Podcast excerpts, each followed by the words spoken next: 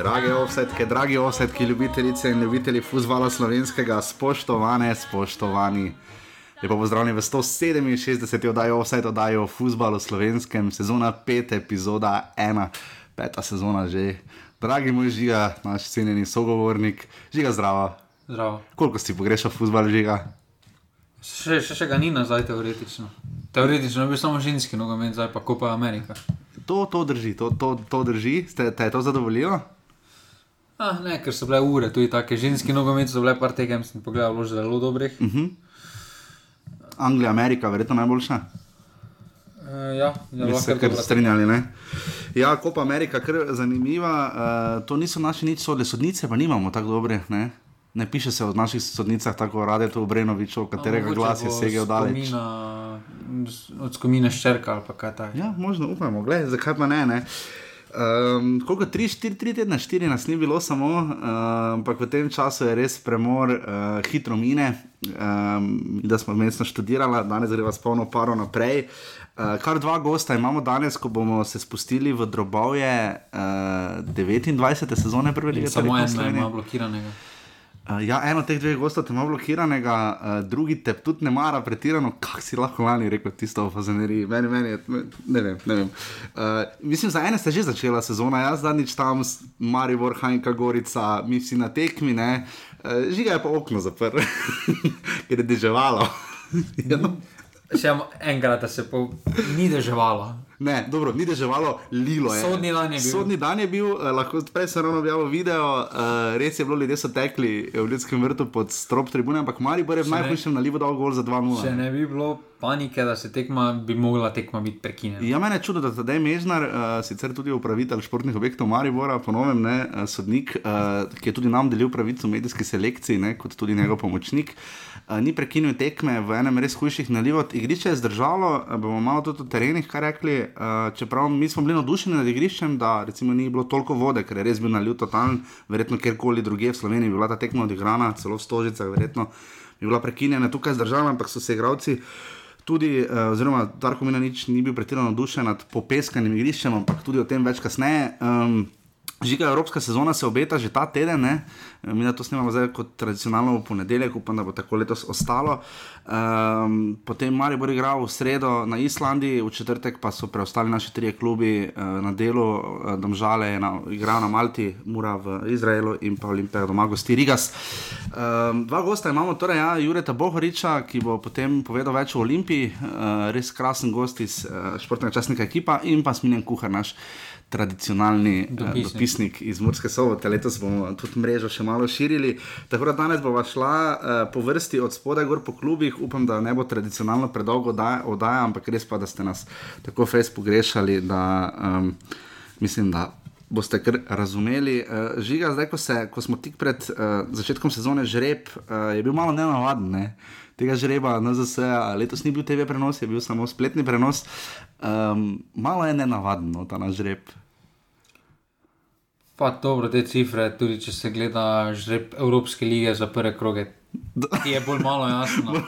Veš samo na kuglice, ampak yeah. ta gospa iz NZS je res tako striktno nastopila. Bojan Jokič, že rebo kroglice, hvala Bojanu Jokiču. Lep, lepa gesta se mi zdi, no, da so vzeli kapetana reprezentance. Kaj misliš o tem? Vseeno. Hm? Zdaj, kako tekmo v slovenski ligi, odigra kaj. Vsak je kar nekaj odigral, davno tega. Je bil marsikdo bolj primeren.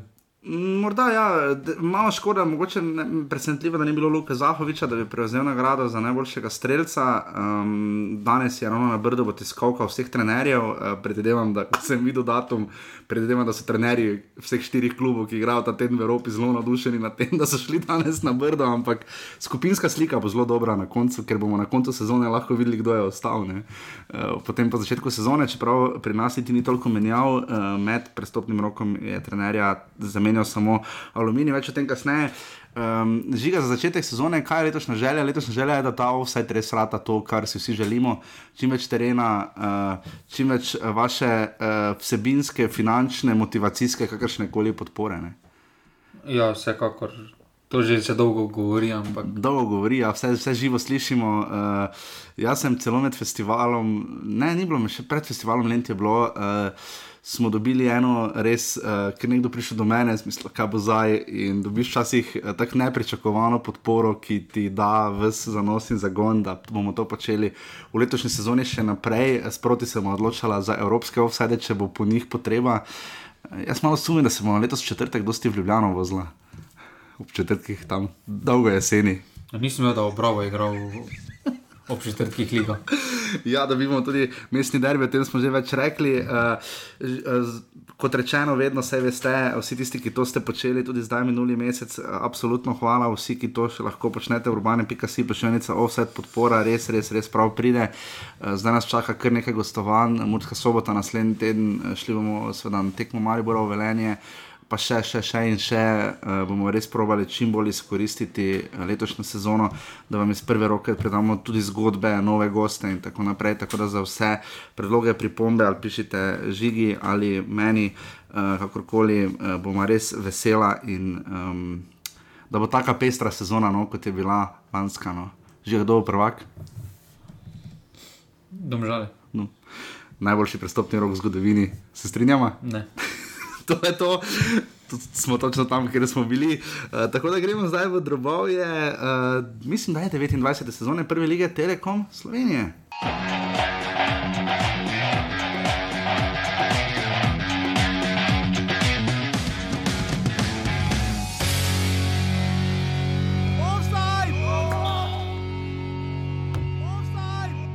In smo pri klubu, ki nas je verjetno najbolj presenetil uh, od vseh, da je seveda v tej zbrani družščini, več smo o tem že govorili, uh, Simon Maljevac je več povedal o policijski postaji, žel, bližini železniške proge in vse ostalo v povezavi z žiga Haki, bomo imenovali. Tabor Sežana, če je box 24, ali zloži si sam, ali kak ne vem. Pač, Sežana. Sežana, ok. Jaz sem dosti krat verjetno vseeno rekel Tabor Sežana, ampak dobro. Um, žiga um, njihove priprave um, in nasploh tega, kako se lotevajo prva liga. Mogoče bi bila beseda previdno, tista, ki bi jo jaz uporabil, previdno, postopno, tipajoče, ne na glavo. No. Čeprav prestopni rok je bil kar pester. No. Dobro, sežana ima to prednost napram konkurentom, ki so prišli v prvo ligo preko kvalifikacij, da imajo izkušenega trenera. Uh -huh. Ki ima že izkušnje s prvo ligo, ki je dal nekaj skozi, ki ve, kako poteka prva liga, na kaj moraš biti pozoren, na katera obdobja. Res da Andrej Razreh je takrat igral za prvo mesto, sedaj pa igral za obstanek. Pritiski so, vse pa so enaki in mislim, da lahko je to jeziček na tehnici en človek z izkušnjami, vidimo, koliko pomenijo izkušnje v pisarnah, uh -huh. eh, lahko spremeni razmišljanje kluba, eh, na kak način se vodi, na kak način se pristopi k prestopnim rokom, k pripravam, k pripravi na tekmo, k sami tekmam. In prednosti imajo, da imajo kar veliko domače zaledje, navijačev. No. Mhm, to je definitivno njihove domače tekme, že v prvem krogu grejo doma z aluminijem. 32 eh, tekem je odslej vodil Andrej Razdrh, eh, moštvo um, Brava, ima izkušnje s prve lige, seveda z Olimpijo. Um, žiga, zdaj, zanimivo je njihov. Prestopni rok, ne, jaz sem zelo računal na Papa in Buja Kebeja, se mi je zdel potencial. Uh, tako še Mar Nikolson, ne veš, Mar Nikolson uh, živo v slovenski ligi, pa še Mar Nikolson po televiziji je nekaj drugega in se mi je zdelo, da bo nekaj uh, podobnega s Kebejem pa je odšel. Um, kaj pa prihodi, uh, ki so uh, že narejeni, bom prebral ime, brez skrbi. Uh, kaj ti prehodi pomenijo, kaj pomenijo tudi njihove pripravljalne tekme? Dobro, pripravljalne tekme so imeli tri težke tekme, dve pa relativno lahki. Uh mhm. -huh. Fajn je v pripravah, da mešaš težke z lahke nasprotnike. Mislim, da so si vseeno izbrali kar nasprotnike po meri. Uh, je pa tudi težko najti za takšen klub prijateljske tekme, ker tudi nasprotnik ne ve, kaj lahko pričakuje od tebe, uh mhm. -huh. ker vseeno vidijo samo, da si v drugi ligi bil. Nisi nič v prvi ligi, to za prvo sezono in zelo težko, nek, glede na ime, si pridobiti nekega zvenečega tekmeca.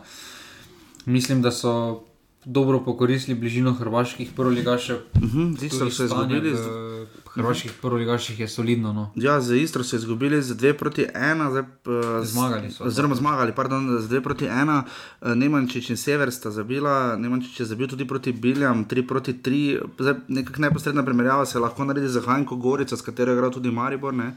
In jih ker suvereno premagal s 4 proti 1, res da v nekem čez specifičnem obdobju za Maribor. Uh, Sežana je tu izgubila z nič proti ena, um, torej ena zmaga, en remi in dva poraza, igrajo še z radom na pripravah, živijo kot se je skrbno pripravil. Um, kar nekaj prihodov, no? priča tudi Rodrige Bunk. Bonkonki iz Slave Melupa, David Adam iz Radomel, Lazar Milosev iz Budučnost Dobanovci, Predrag Sikimič iz Voždovca, Stepan Babič iz Varaždina, Dominik Mihajlovič iz Lirije in Marcel Stare iz Domžal, Stare je zabil v tisti tehni proti Biljam za 3 proti 3. Od, um, od teh, ki so odšli, bomo videli, nekaj je bilo posoje, Nik Bičič se je vrnil v Gorico in pa Matejovske vole v Padovo. Um, Prednost imajo, da imajo kvalitetnega vratarja, no. to smo uh -huh. videli na kvalifikacijah vemo, da takih, pri takih klubih eh, vratar veliko krat da tisto dodatno težo rezultatu. Je pa pozitivno tudi, kot sem že na začetku omenil, Andrej Ražer, no, ker mislim, da bo pri veliko večini klubov, ki pridejo v prvo ligo, se vidi, da na nekaterih tekmah eh, gredo olin in potem ostanejo brez vsega. Mislim, da pa Andrej Ražer se zaveda, da je na večin, na kakšni tekmi tu je boljše vzeti samo točko, uh, pa te ne zanima, kako si jo vzel, kot pa da ostaneš brez sploh te točke. In prav tu je lahko, prav tu jaz vidim tisto največjo moč, ta vrsta. No. Ja, meni si vratarja Arjana Renerja, eh, bomo videli, kako se bo on obnesel v prvi ligi. Eh, ta vrsta žene, kot smo že večkrat omenili, je igrala v sezoni 2000, 2001 v prvi ligi in tudi potem ekspresno je spadla. 28 točk so zbrali, 7 zmag, 7 remijo in 19 porazov, 34, 75 gol razlika, to je tisto, s čimer jih bomo vse malo po koncu sezone primerjali. Imajo pa prednost to, da so tudi prišli z Bravo, da sta dva druga ligaša zagotovo. Da, je ta prehodna, oziroma prva sezona lahko na ta način uspešna, ki se obdržiš v prvi ligi, potem pride nek drug, nek, nek nov drugi ligaš uh, in na ta način si lahko ustvariš uh, neko. Malo daljšo kariero v prvi ligi. No. Ja, zagotovo v minuli sezoni uh, je uh, v bistvu proti Bravo, um, so 3 proti nič je bilo um, doma za tabor Sežano, 3 proti 2 pa so zmagali Ljubljani uh, uh, na čisto začetku v prvem krogu, tako da bomo videli, kako se bodo. Bo pa v začetku zelo težko igrati uh, v Sežani, no. ja. že zaradi vzdušja, uh mhm. -huh. stadiona, spomnimo. Dve leti nazaj se mi zdi, da tudi Maribor je imel probleme v pokalu, tako da ja, so se kar dolgo mučili. Uh -huh. uh, tako da lahko mogoče ponijo tisti začetek krškega, no, ko je bila euforija. Zdaj jim gre na roko tudi, da imajo prvo tekmo, če na prvi tekmi naredijo neki rezultat, eh, recimo zmagajo. Bo ja, še večja euforija. Imajo malo aluminij, njihov začetni spored tekem je kar specifičen, tako da v bistvu vsak, vsak klub eh, prednosti ima, seveda v tem, da nimajo tako tekmovalnega ritma kot tisti štiri klubi. Uh, uh, v drugem krogu, recimo prva dva kroga imajo doma, ne? najprej malo mini in potem še celje, in potem no, gredo, tukaj, potem gredo še pa bravo na gostovanje v tretjem krogu, uh, preden potem, potem dobijo domžale. Um, Vse krško je tudi po treh krogih, imamo takrat devet točk. Ja. Devet točk so bili prvi, ko so prišli v Maribor. Tako da absolutno tu pričakujemo, da bodo uh, sežančani, oziroma žiga, kot jim raje rečemo, ne? češnice. Ne. Ja. češnice. Ja, če že zobali, pozobali bojo. Uh, tako da bomo videli, kako bodo češnice odprle sezono. Začnejo ob 18. uri v soboto proti Aluminiju. To bo zelo, zelo zanimiva tekma. Uh, tudi fajn bo videti, koliko bo ljudi in kakšna bo podpora. In upamo, da bo tabor sežana vreden prve lige in tudi ne nazadnje, da bo prva liga vredna tabor sežana. Pa dobro, zdaj smo končno začakali tisto, kar smo želeli. Zdaj postimo situacijo z Bravo, tam stadionom v drugem delu sezone, ampak uh mhm. -huh. Zdaj imamo prvi ligaši, ki igrajo samo na svojih stadionih. No. To dolgo ni bilo. ja, tako da to je to, uh, žiga taboru pripisujeva, um, bomo hitro videla, ampak jaz jih ne bi čisto odpisal. No? Jaz jih na 8 mestu, na, na, na, na 9 mestu vršim. Jaz bi tudi rekel, da na 9. To je to, tabor sežana. Cherry Box 24 ali žiga, kot jim raje rečemo. Sežana. Češnice.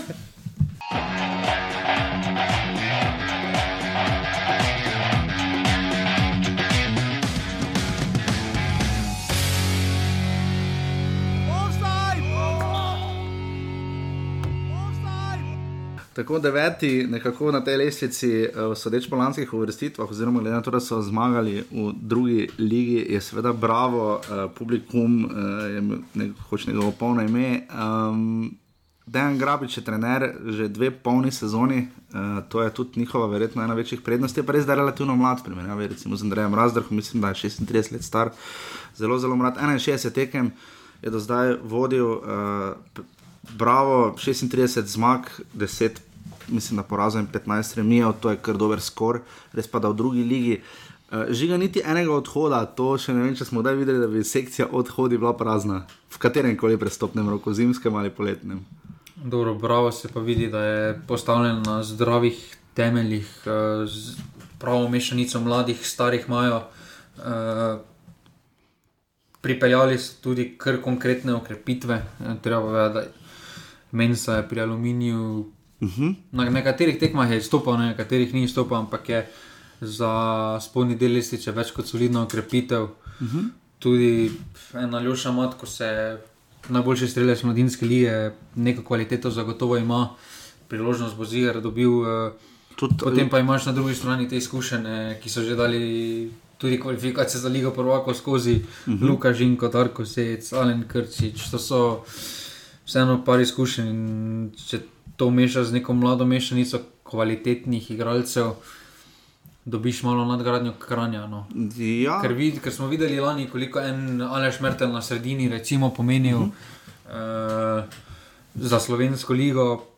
Zdaj tu lahko podobno, pred, tukaj pa imajo skoraj v vsaki liniji enega izkušenega vodje, vodjo uh, Ljubljančani. No. Ja, um, bomo videli, zdaj, kako se bo tu zlasti obnesla ta njihova. Um, želja potem, da se predstavijo v čim boljši luči, tako kot vse sam dojemam, zdaj težave imajo, pač igrajo dobro, je njihov stadion, pogojno, recimo, no, se dobro, se noben klub ni, la, nima vlasti svojega stadiona v Sloveniji, pa vendar, um, žiga, če so recimo Andrej Razdrh je v parih intervjujih kasneje govoril zlasti o tem, da um, se mu je zelo dopadlo, da, da ga je okolica sprejela za svojega, to je tisto, s čimer zna bravo imeti nekoliko težav, poleg tega, da so postali prvaki, ne da bi odigrali tisto zadnjo tekmo.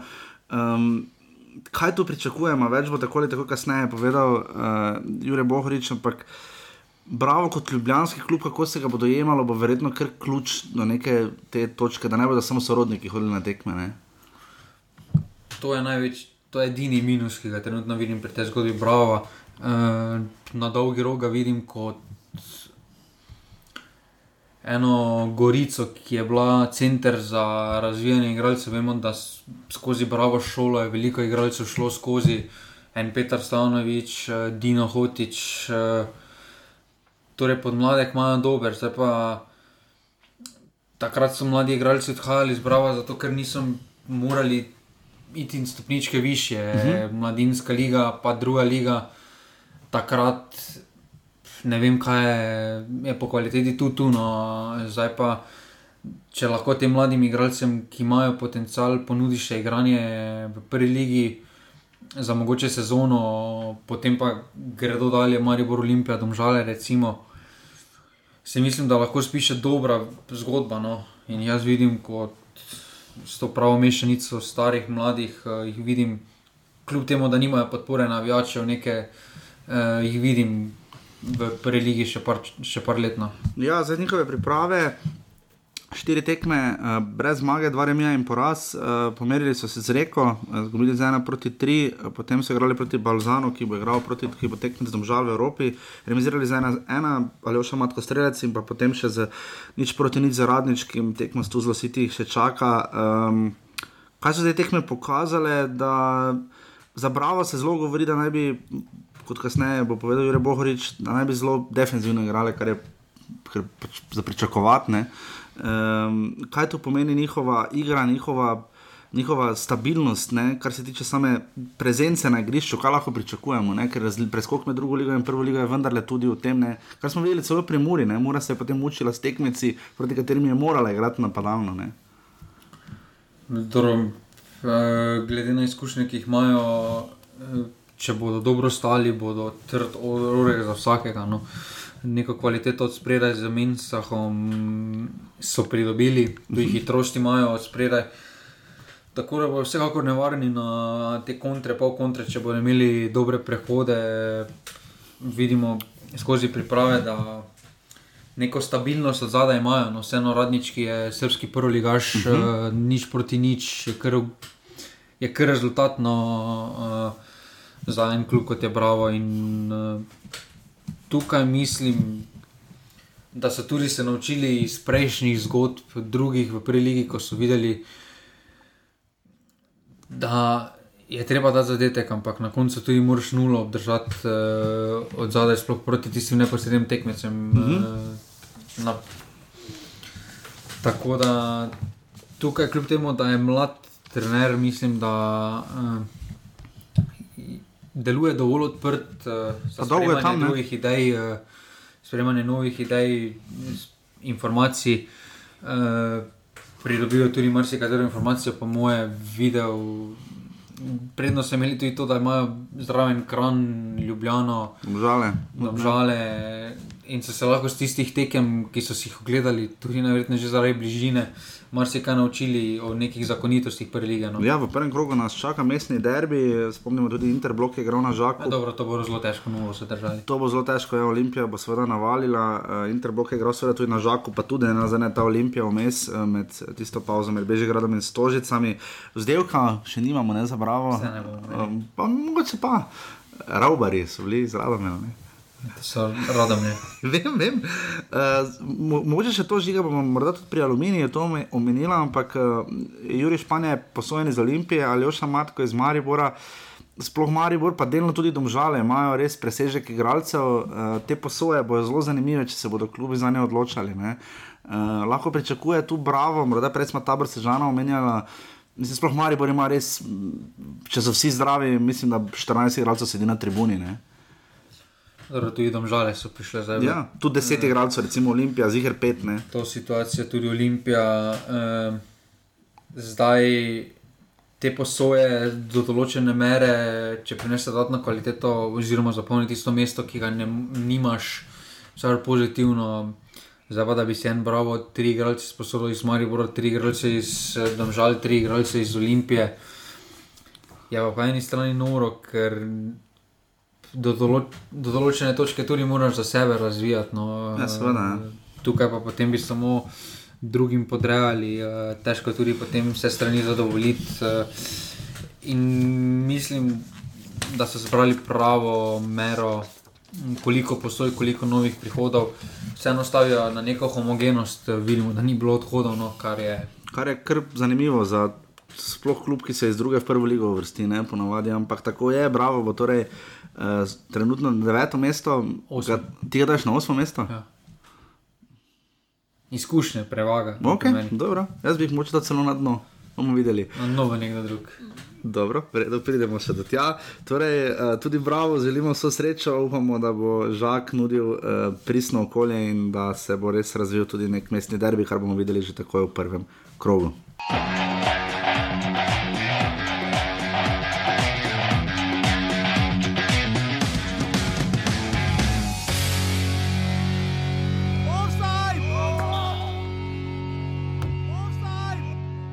Triglav, um, ja, Orli, Bordo Beli um, v lanski sezoni po svoje dal časa ne presenečenje, pa spet presenečenje, pa spet kontra presenečenje. Videli smo vse živo na koncu, ko se je Dejan Dončić nekako ustalil po vseh tistih kolobocijah, ko se že predtem vračal Siniša Brkič, pa Tončić Logan in tako naprej so na, na koncu uh, šli na pico tam res. Imeli so tako en bolj prikupnih videov, kar se tiče obstanka v ligi, uh, ko so si zagotovili obstanek. Um, je pa res, da njihov prihod.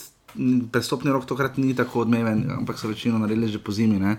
Žiga, Delilon Krijezijo je šel, v, videli smo ga na Hajnka Gorici, ne na seznamu. Uh, potem še v Amres Fraka, je šel nazaj v Birkir Karo, pa je kar dosti igral tudi Ivan Crnov, je nabral minute in pa Darjan Suranovič je kar nekaj odbranil. Uh, ostalo pa so prišli samo mladinci, na katere pa v Triglavu pač morajo in želijo tudi staviti. Ne. Kaj zdaj to pomeni, kam uvrščamo Triglav? Na zadnje mesto. Zakaj?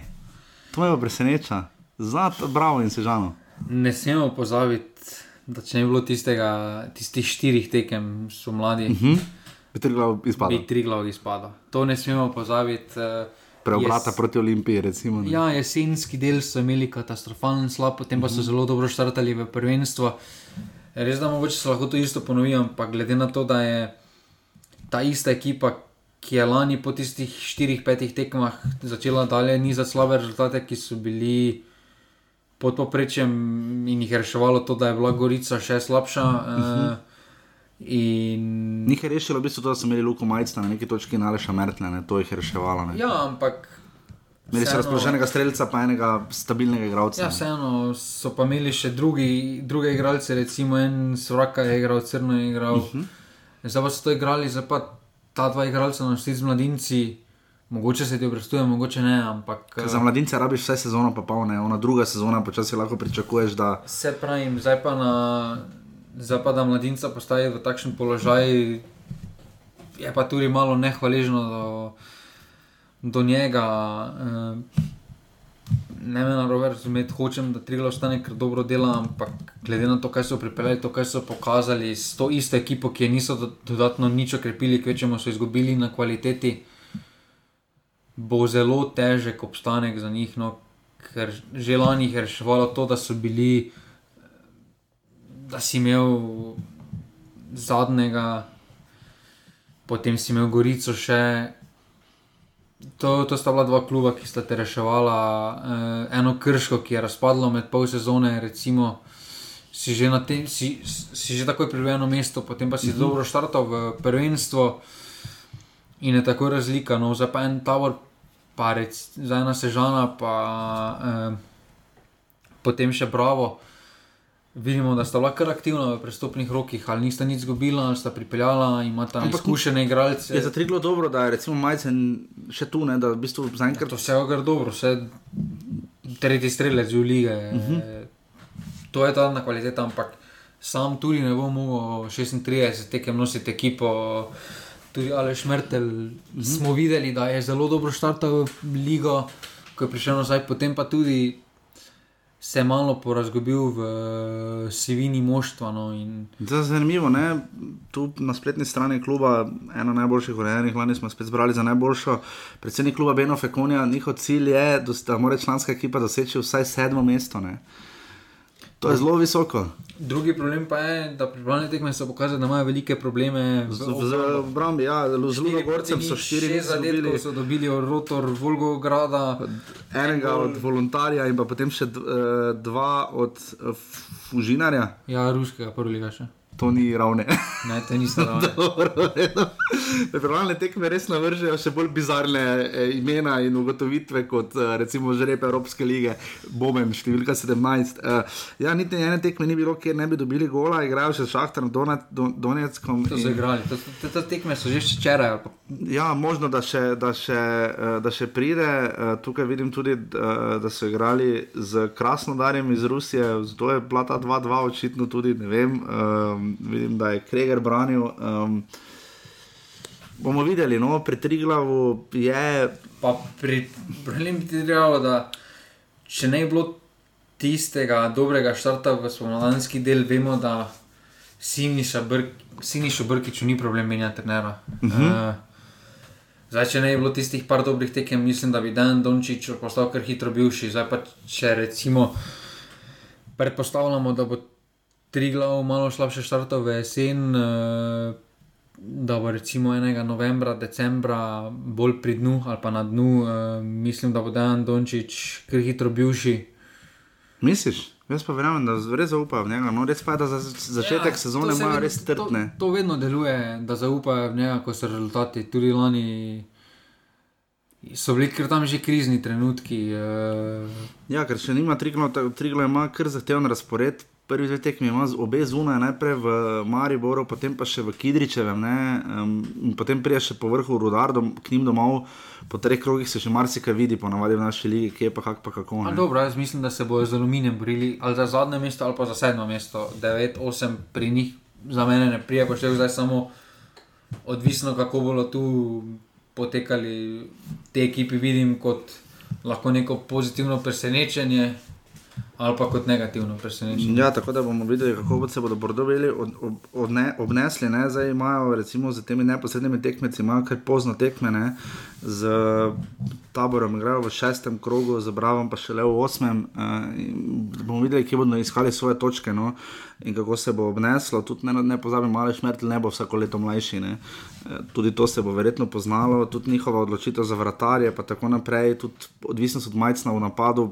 Bomo videli, no, žiga zelo zanimivo bo videti, kako se bodo predstavili v Mariboru v soboto, ko začenjajo prvenstvo. Ampak me preseneča, da si kdo na dno. No. Jaz, ko te poslušam, ti kar zdaj verjamem, no, bi skoraj človek depresiven, rado samo.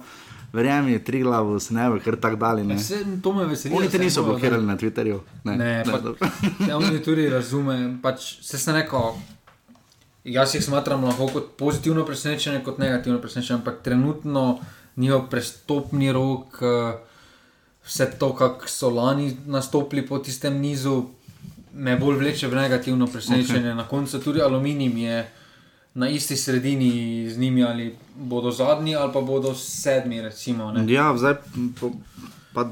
Prednost, prednost imajo samo to, recimo, na premenem pravu, da imajo podporo lokalne. Ja, small faces ja. in pa ne pozabimo, ta lokalna skupnost um, bo zelo očarana prihodnje leto, tri glav uh, slavi stoletnico kluba. Uh, in bodo imeli prvi uh, let uh, za romete v Sloveniji. Uh, tako da uh, upam, da bodo primerno proslavili svojo stoletnico, orli, bordobeli, uh, pač ne vsi za šampione iz Kranja. Tako da bomo videli, kako se bo vnesel Triglo.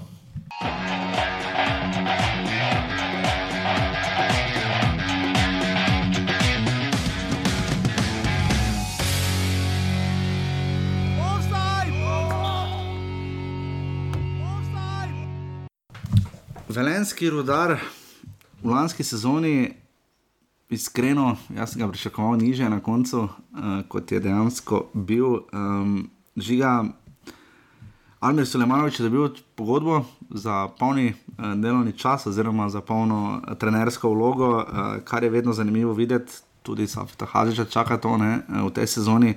To smo že v preteklosti videli, videli tudi Dejan Dončić je bil podoben primer.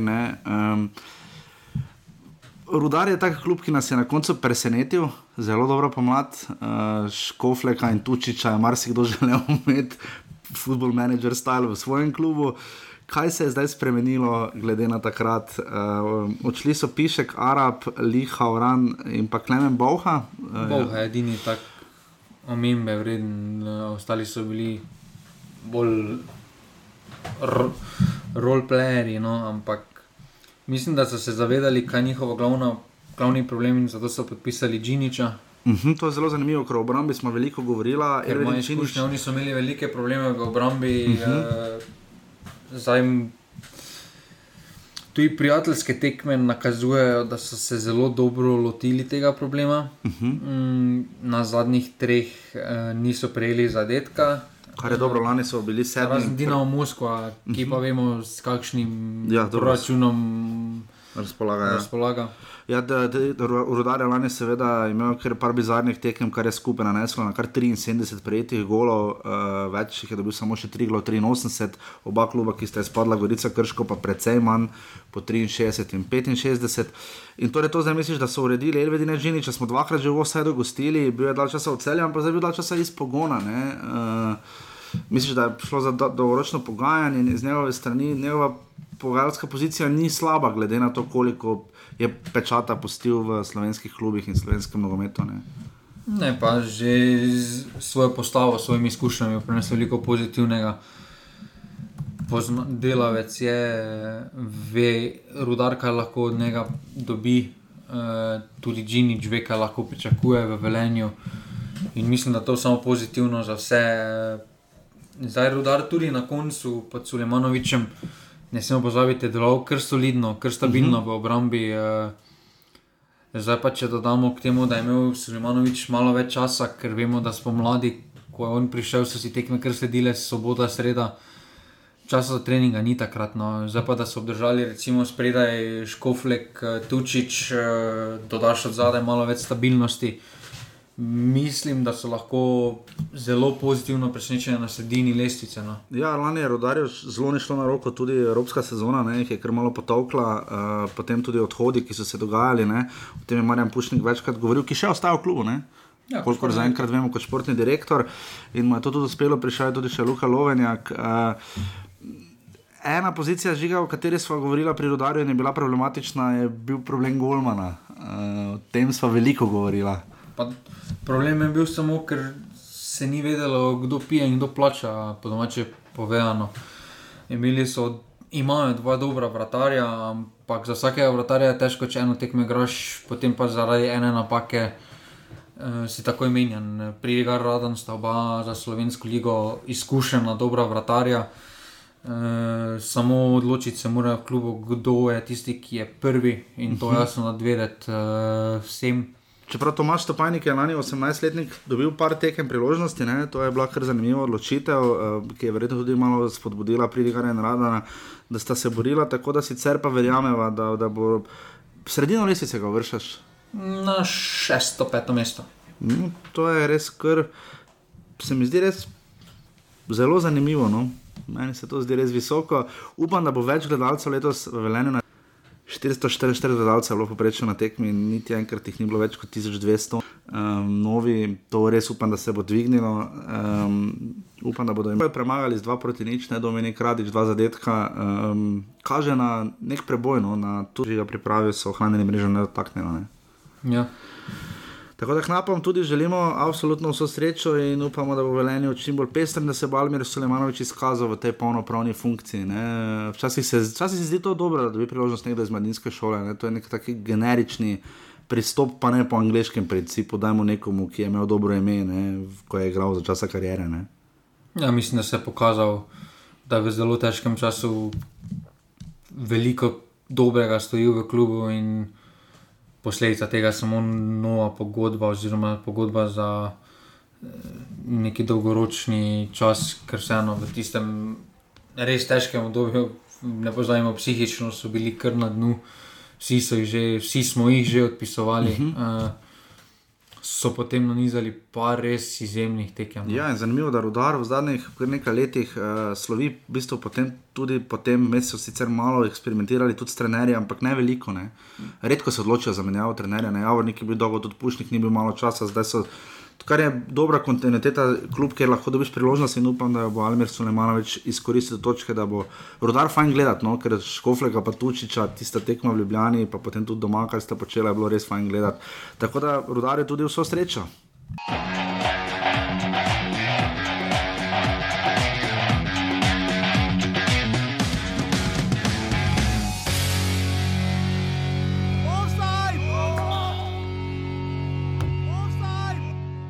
Šuma, Kidričevo, dragi moj žiga. Um, Slovenski grover se vrača, uh, pustil velik pečat, mislili smo, da je odšel. Sem jaz bil trdno prepričan, da ne bo nihče presegel njegovih rezultatov. Potem je pa prišel Oliver Bogatino in naredil DRM, uh, morda celo nekaj, kar v Kidričevem. Vprašanje, če bodo dosegli no? uh, mm. polfinale pokala, finale pokala, skoraj da borbo za Evropo, tretje mesto v jesenskem delu. to je bizarno dobro. Zdaj, ko se vlača Slovenki Gruber, ti od Kimava, Slovenki Gruber je seveda bil v Olimpiji, član strokovnega štaba. Mm, z mojega vidika je zelo slabo odločitev. Zakaj? Tako z vidika kluba, kot z vidika trenera. Ker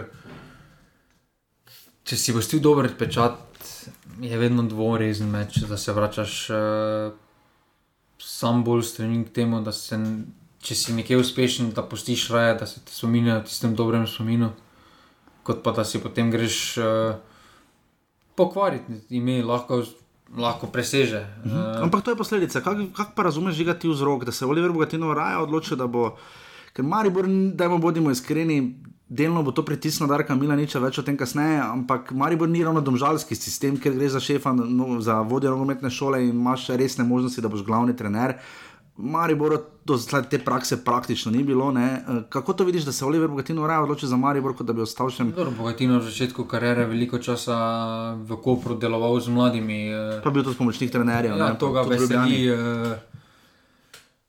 Pustimo tiste finančne zadeve, ki so najverjetneje tudi na strani Maribora, uh -huh. eh, vseeno živiš v mestu, kjer delaš, ne smemo pozabiti, da Ni Bogatino ni živel Kiričem, pa zelo težko bi tam živel.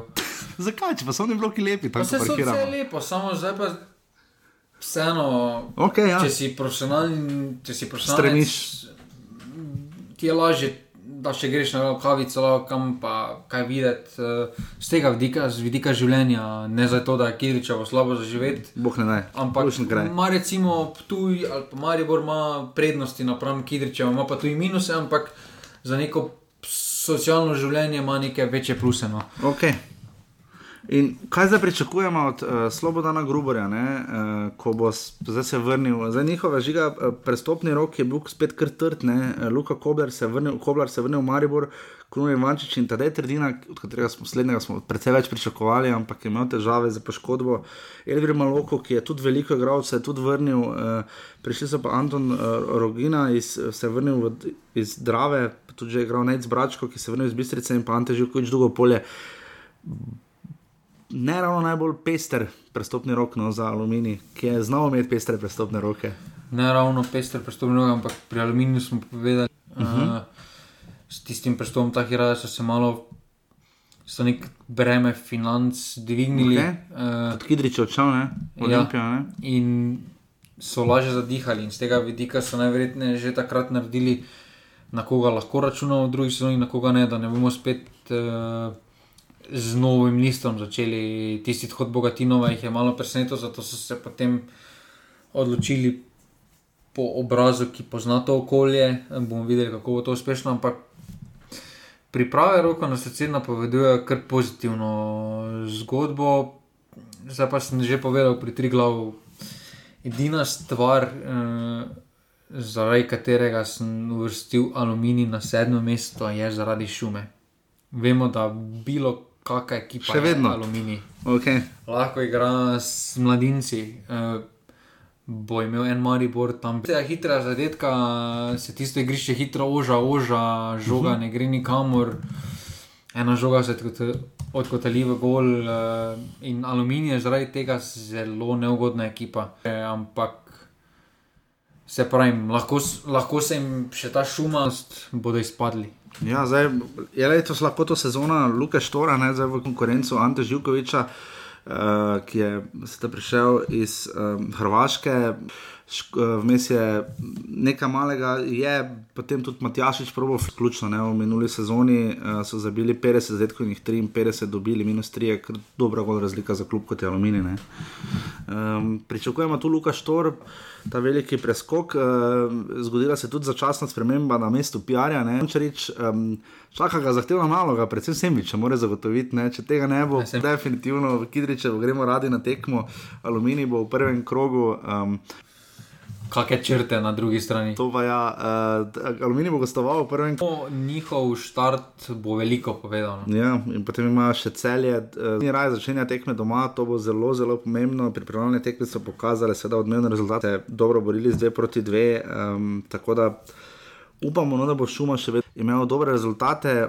On je v Kidriču vodil na 35 tekmah, um, 46 pozitivna gol razlika, kar je za klub kot je Alumini. Ker v redu, no. Smo videli na par primerih eh, že drugih trenerov, ki so se vrnili v tisto okolje, da se še en na kratek rok pokazala kot uspešno, ampak na dolgi rok. Uh, eh, dosti krat ne. Ja. Tako da Šumi, Šumarom želimo res vso srečo. Pa ne smemo pozabiti, da je Gruber tudi ni šel v najboljšem, najboljšem odnosu. s sem- Šumerjem, jaz tudi, da je bil takrat takšen občutek, ja. Klubu, ker malo bolj po strani začeli gledati. No. Ja, tako da zdaj bomo videli, kako se bo ta vrnitev obnesla. V vsakem primeru šuma bo vedno fajn za obiskat.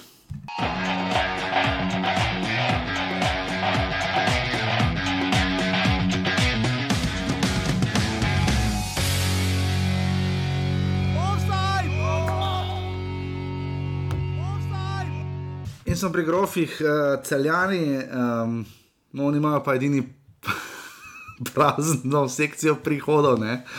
Um, njihovi prestopni roki so postali svoje vrstno bizarni, uh, vedno bolj konsolidacija kluba se mi zdi poteka.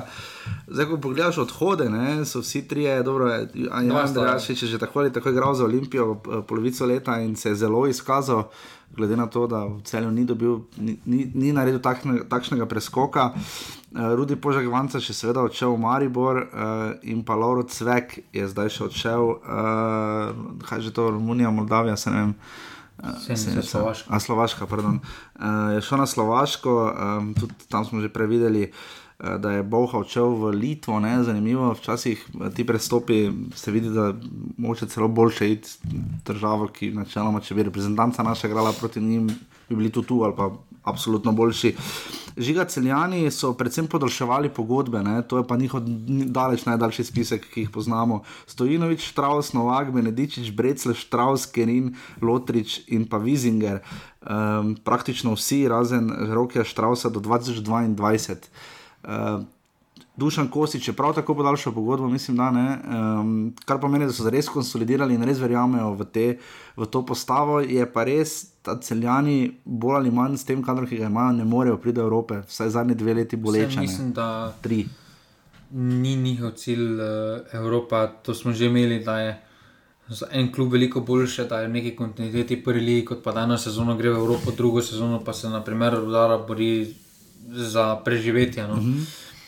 In cel je dolgo ni slovelo po neki konstantnosti, da zaupajo, da dajo dolgoročne pogodbe.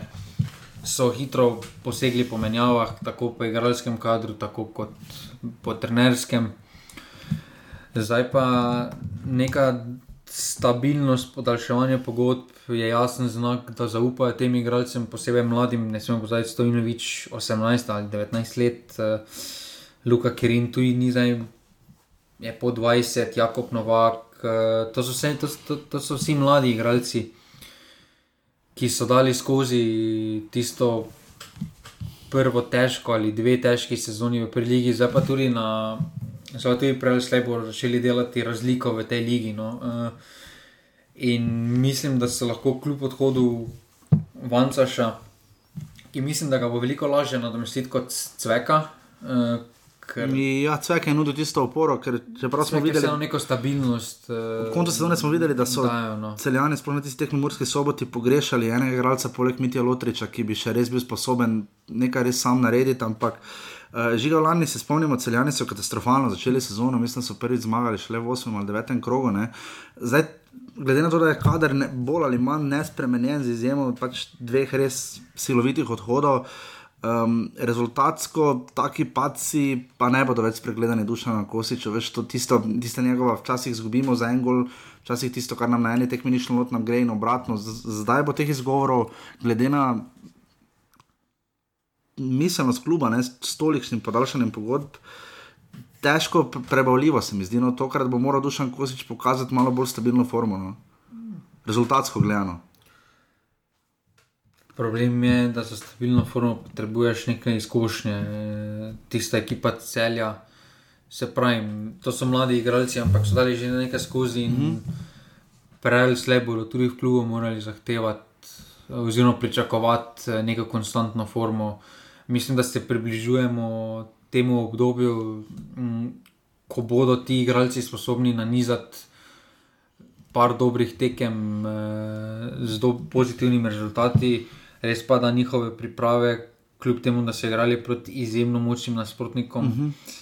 Ne napovedujejo nič pozitivnega. Ja, zanimivo, včeraj so odigrali če tekmo proti Varaždinu. V bistvu so dve tekmi odigrali, gledam to na spletni strani. So igrali v soboto, pa nedeljo, z Kriljo so retali, Samaro so igrali. Uh, in se zgubili zdaj ena proti dveh, potem pa ja. še z Varaždinom, um, ki je zmagal 4-0. Ja, dobro, to je najverjetneje druga postava, bila ja. Krilja Soveta, je bila njihova. Ja, se piše. Ja, prva oni, postava. Oni so igrali v najmočnejši, uh, tudi Varaždin, Dušan Kosič pa je ponudil mlajšim, ampak žiga, ja, Ferenc Varoš, nič dve je reka, ena proti dve. In pa hrjo so leta ena proti dve, Štraus in Vizing, ker ste zdelali na vsake od teh tekem. To je, to je skrbljujoče, no, ampak. Uh, Res pa, da bi če bi imeli tako drugi slovenski privilegij, še en HNK, pa eno tega, kar bi tako tekmovali, bi takoj bila. Nek rok, ne. ravno z gostijo Muro doma, ne? še dobro, da ni obratno. Uh, ti mladi fanti ostanejo in postanejo malo bolj uh, prepoznavni obraz celja. Tega, ker je drugi šport glavni v celju. Vem, vem. Uh, res bi mogli biti face to face. Lani je Olimpija imela 2700 gledalcev na tekmo, Mura 3000 in pa Maribor 4700, no, na celje je bilo peto za 742, vse malo dvignili te številke. Ne? Jih ima velik potencial. Ne? Če pogledamo stanje pred 4-5 leti, se je stanje v. Uh, Zdaj, mogoče še kakšen tradicionalni klub. Mogoče. Na dolgi rok mislim, da mora biti osnovni, ti najslabši obisk enega kluba, okoli tisoč. Ja. Uh, mislim, da na dolgi rok je to lahko dosegljivo, ampak bodo takrat še preteklo veliko vode. Pa sistem, dvakrat pride tri glav, pa se takoj pozna na obisku. Ne? O menjavi sistema smo veliko govorili in bomo videli, predvsem, kako bo nadomestil tako Rudija Požega Vancaša, kot za, zlasti doma, ravno za Muro, ki jim je lani odnesla Evropa.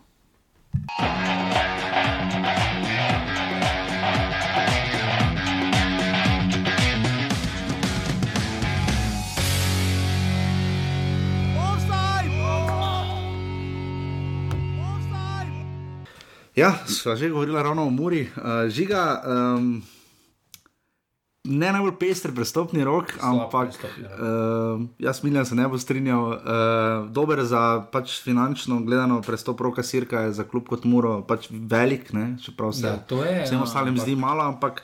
Znajo pa imeti probleme, pa zlasti trenutno imajo še, kot boste slišali, s poškodbami težave pred tekmo v Izraelu, ne, da so brez Lorka in Kautra, je po vrhu res velik problem. Uh, Karamarko mora hitro stopiti v čevlje Peričiča, ki ima prav tako težave stopiti v čevlje koga drugega.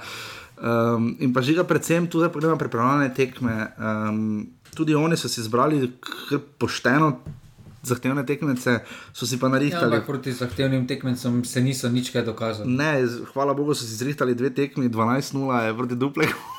Z najboljšim videom vseh časov, in potem v zadnji tekmi proti Beltincem, še 3-1, Bubnjar je, Andrej Bubnjar je eh, prvi sredec teh priprav za, um, za Muro, eh, žiga ostalo pa Ferenc Varaš 1-4, Partizani sicer premali z 2-1, uh, Pjunik Kerevan 2 proti 2, 2 proti 2 in potem še poraz z Rinskim, po vrhu so si bosanci še sami zabili avtogol, tisto, kar najbolj stopa, da razen Dupleka so jim vsi dali golne. Problem je, da je lanska sezona Mure bila zelo dobra, ampak so imeli veliko srečo s poškodbami. No, Da, da, da niso imeli da, da niso poškodb. imeli poškodb. Ja, ja. Zdaj pa vidimo en Lorbek, 3 do 4 tedne, začetek Out. Prvenstva, lani njihov najbolj stabilen, najbolj konstanten igralec, je zdaj tako out, eh, neke širine kadra, mura nima. Ne. In prav zaradi tega je za mene to slab prestopni rok, ker na, nekaterih mestih imajo preveč igralcev. Zlasti sredina, ne? Ja, ampak na tisti centralni sredini uh -huh. neke čiste zamenjave za Lorca pa ja. praktično ni. No, na drugi strani pa imaš Bobičanec, eh, Kauter, eh,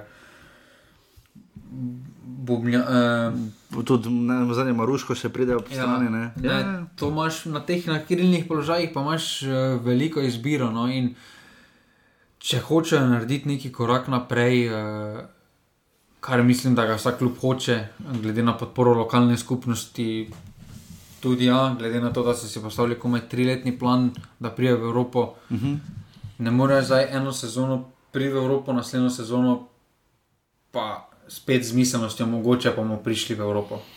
ja, oni vse imajo Vseeno to so Ja. prišli v taki položaj, glede na drugo konkurenco v Sloveniji, glede na podporo, glede na vložke, da bi moralo biti to četrto mesto za njih neki osnovni minimum, na katerem bi morali graditi. Ja, da je sam rekel dan za večer, da so odstopili od teh ciljev, ki so ga imeli, ker pač so, ne, ker so ga pač presegli. Ja. In zdaj vprašanje, kako naprej. Zdaj izkušnje kažejo, da četrti klub, ki gre v ligo na mesto zmagovalca pokala, ne, da četrti vrčeni klub, spomnimo se samo Gorice, spomnimo se tudi Celja, spomnimo se tudi Trudarja, um, niso dobre izkušnje ne, in Muro po vrhu čaka še najtežji Zato tekmec. bi rabili malo več širine. No.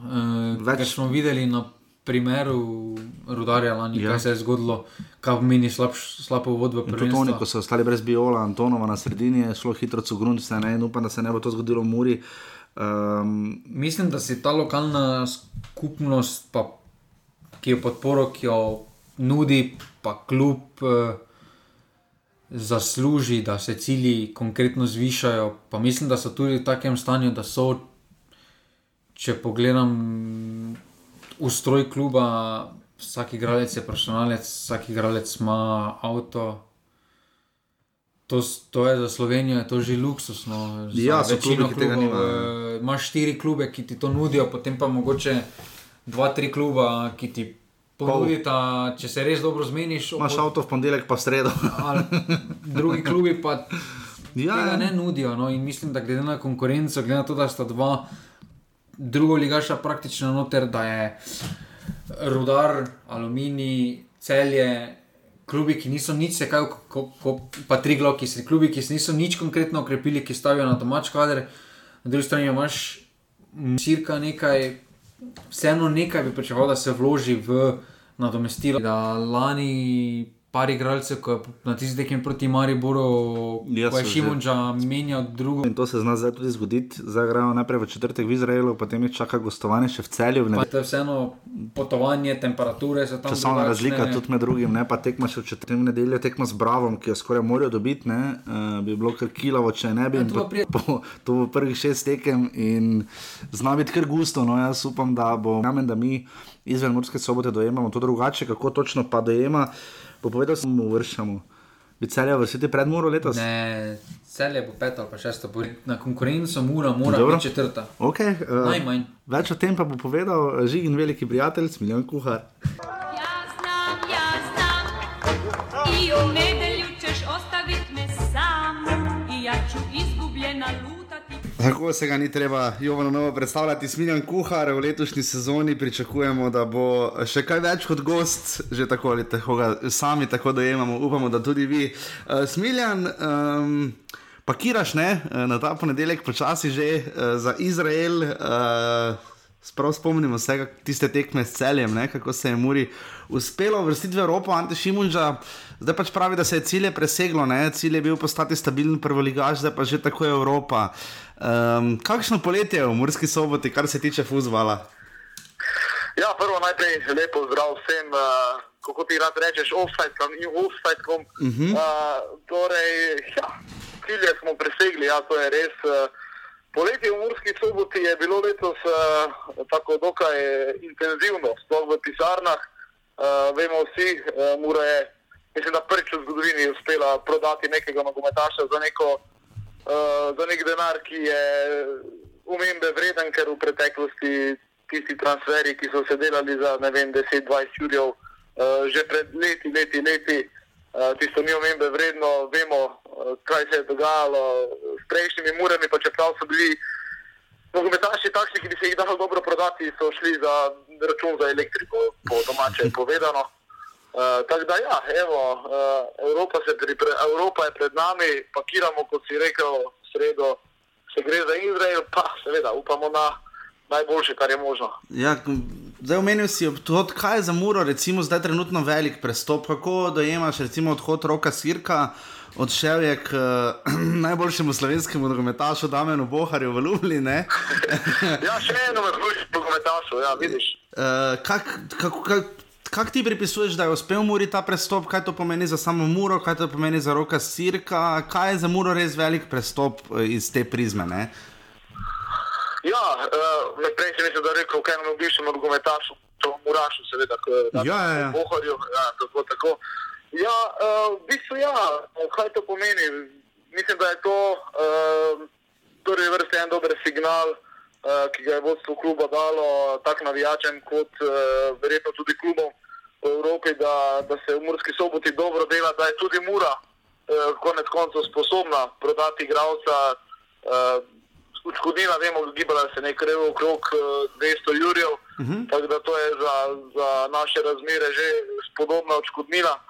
Uh, ljudje tukaj so bili v preteklosti dokaj skeptični, lahko bi dejal, da uh, vsi bomo pogrešali roka, sirka, vsi mu seveda privoščimo najboljše še naprej, ampak uh, ljudje so dejansko čakali, čakali, čakali da, deja, da mora proda nekega nogometaša. In, in, in potem, ko je rok sir šel, je v bistvu bilo prvo to, no, končno, tudi mura lahko prodaja igralca. Uh -huh. Tudi to je bilo v preteklosti, se te stvari niso dogajale, je pa za moje pojme zelo pomembno to, uh, da je Mura na tak način opozorila nas, da bodo tudi drugi klubi verjetno zdaj uh, bolj pozorni na Muro, bolj pozorni na Murine nogometaše, sploh če bo zelo uh, hitro igral podobno kot Danja Bohar, uh -huh. uh, ki navdušuje.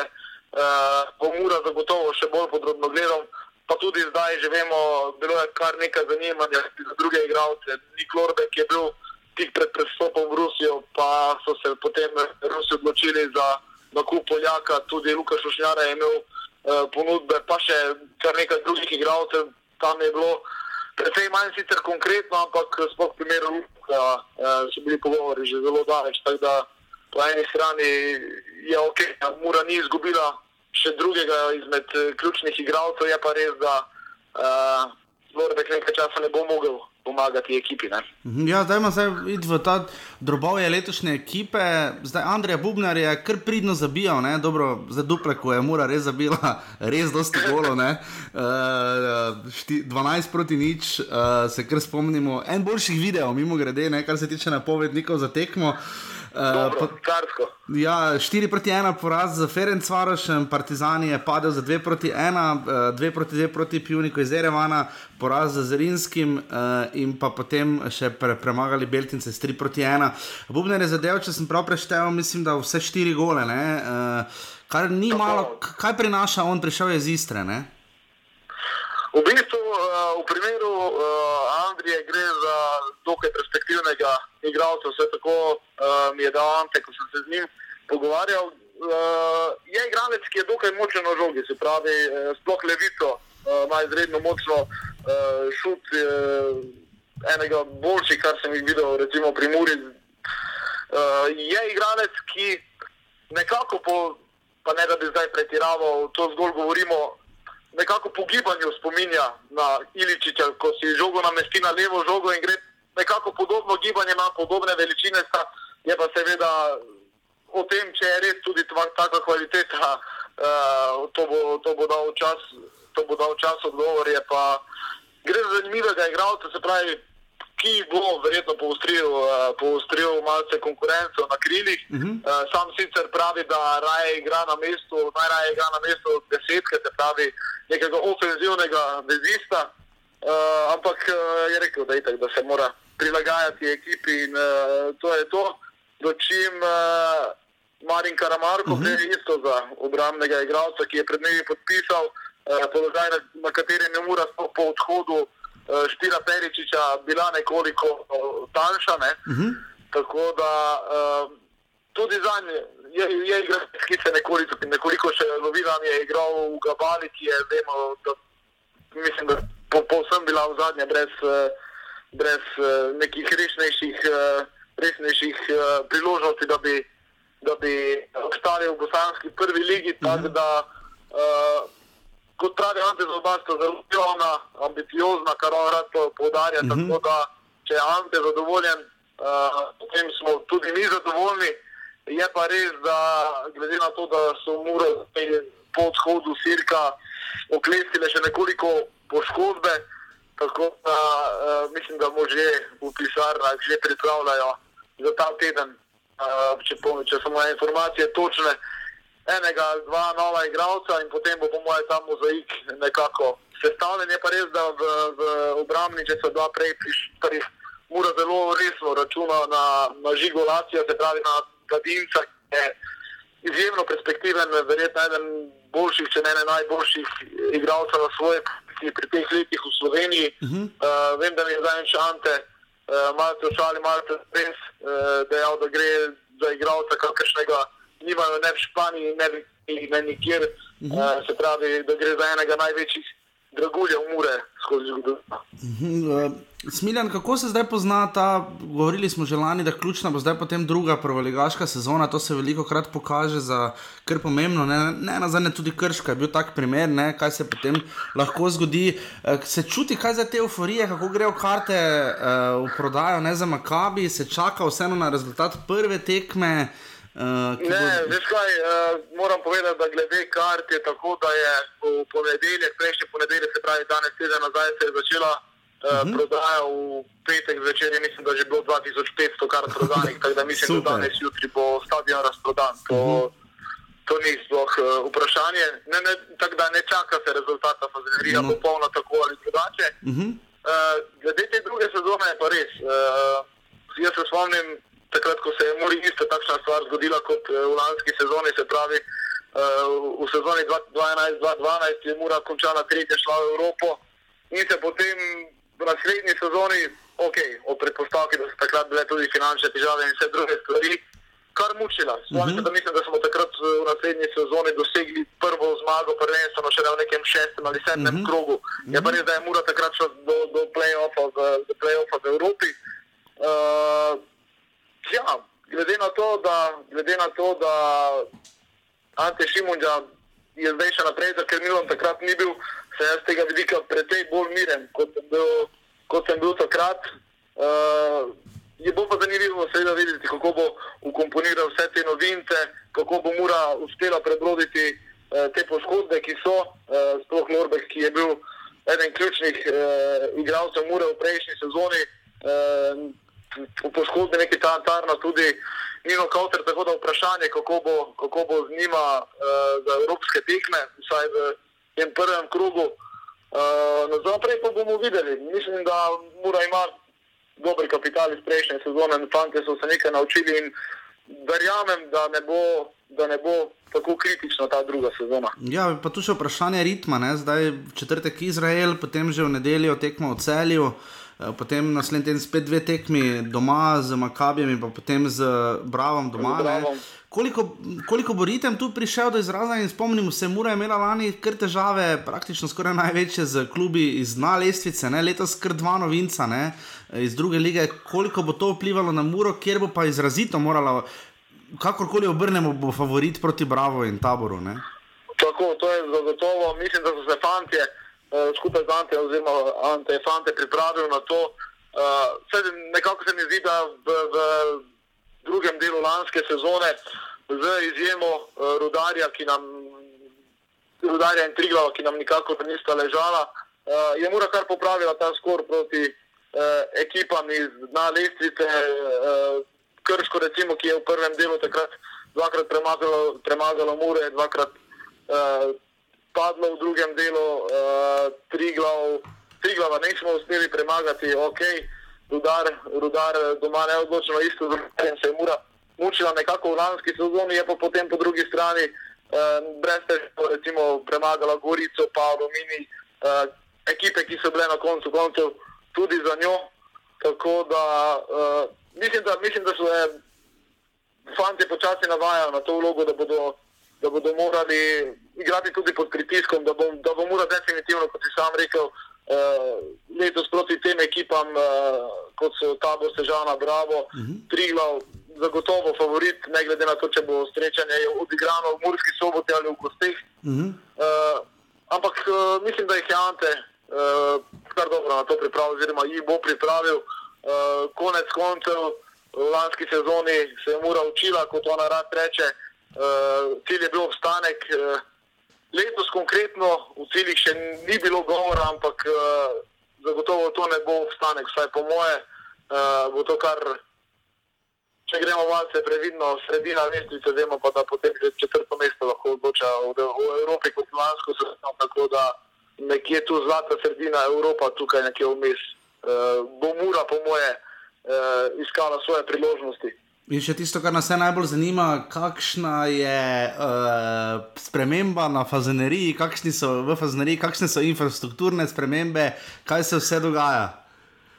Ja, uh, kar nekaj sprememb, se pravi, v prvi vrsti največja sprememba je, da tistega legendarnega uh, bara Gol, ki je bil vrsto let, uh, je vrsto let tudi obratoval na fazeneriji, ni več, se pravi, to je vizualno kar precejšna sprememba, uh -huh. tam zdaj kar ena praznina, ki je nismo vajeni, ampak se je bomo navadili. Uh -huh. uh, druga stvar je, uh, počasi se fazenerija preoblači v črno delo, bi lahko dejal. Uh, sedeže želijo zamenjati pač uh, do konca tega leta, uh -huh. pravi, vse sedeže trenutno uh -huh. potekajo dela na, na severni tribuni, kjer so nastanjeni gringosi, uh -huh. uh, na glavni tribuni in še na delu južne tribune. Uh, ampak večji del bo ostal še za zdaj v teh barvah, ki so, ki so bile do sedaj, do konca leta pa so nekako, do konca leta pa je nekako želja in cilj, da se uh, fazonarija v ta vzorec, ki zdaj nastaja na severni tribuni, uh -huh. uh, prenese tudi na južno tribuno. Uh, seveda, potem pa bo potrebno uh, na gostuj, tam na vzhodni strani, ker so gostujoči navijači, se prav tako mora namontirati side sedeže, ker Evropa ne dopušča sedišč uh -huh. oziroma stojišče. Uh -huh. In uh, določenih modifikacij bodo, bodo tudi tile TV stolpi deležni. Uh, ureja se nek prostor za novinarje, ki bo, uh, ki bo čez čas verjetno tam na vzhodni strani, uh -huh. zdaj pa še modifikacije pač tu na tej glavni tribuni, kot je bilo do zdaj, verjetno se bo del uh, novinarjev preselil čez gor, se pravi, ne bodo tam v tisti uh, kletki, uh -huh. oziroma kako bi dejala, uh, tam noter, ampak uh, verjetno malce više. Uh -huh. Tako da je, je, kar, je kar pestre, kar zanimivo. No, se bomo absolutno preverili, potem že na takoj prvi evropski tekmi, uh, ko prihajamo. Kaj bi smiljan, srečno pot v Izrael, pa se pa bomo potem slišali in ugotovili, uh, upam, da z čim boljšim uspehom, ne vendarle. Upanje umira zadnji, ne? zakaj pa ne, ne? Izraelci ne na zadnje začnejo za sezono zelo, zelo pozno, to je verjetno največja prednost Mure. Ne? Seveda, seveda. Mi vsekakor verjamemo v pozitiven izid, uh, kaj drugega, niti ne vemo. Tako da uh, to bi bilo to. Hvala tebi. In se uh, potem slišimo spet. Se slišimo, ne? Ja, sviljan, lepo vodi in držimo pesti za muro v Evropi. Ne? Hvala, hvala, čau, čau. Čau, adijo.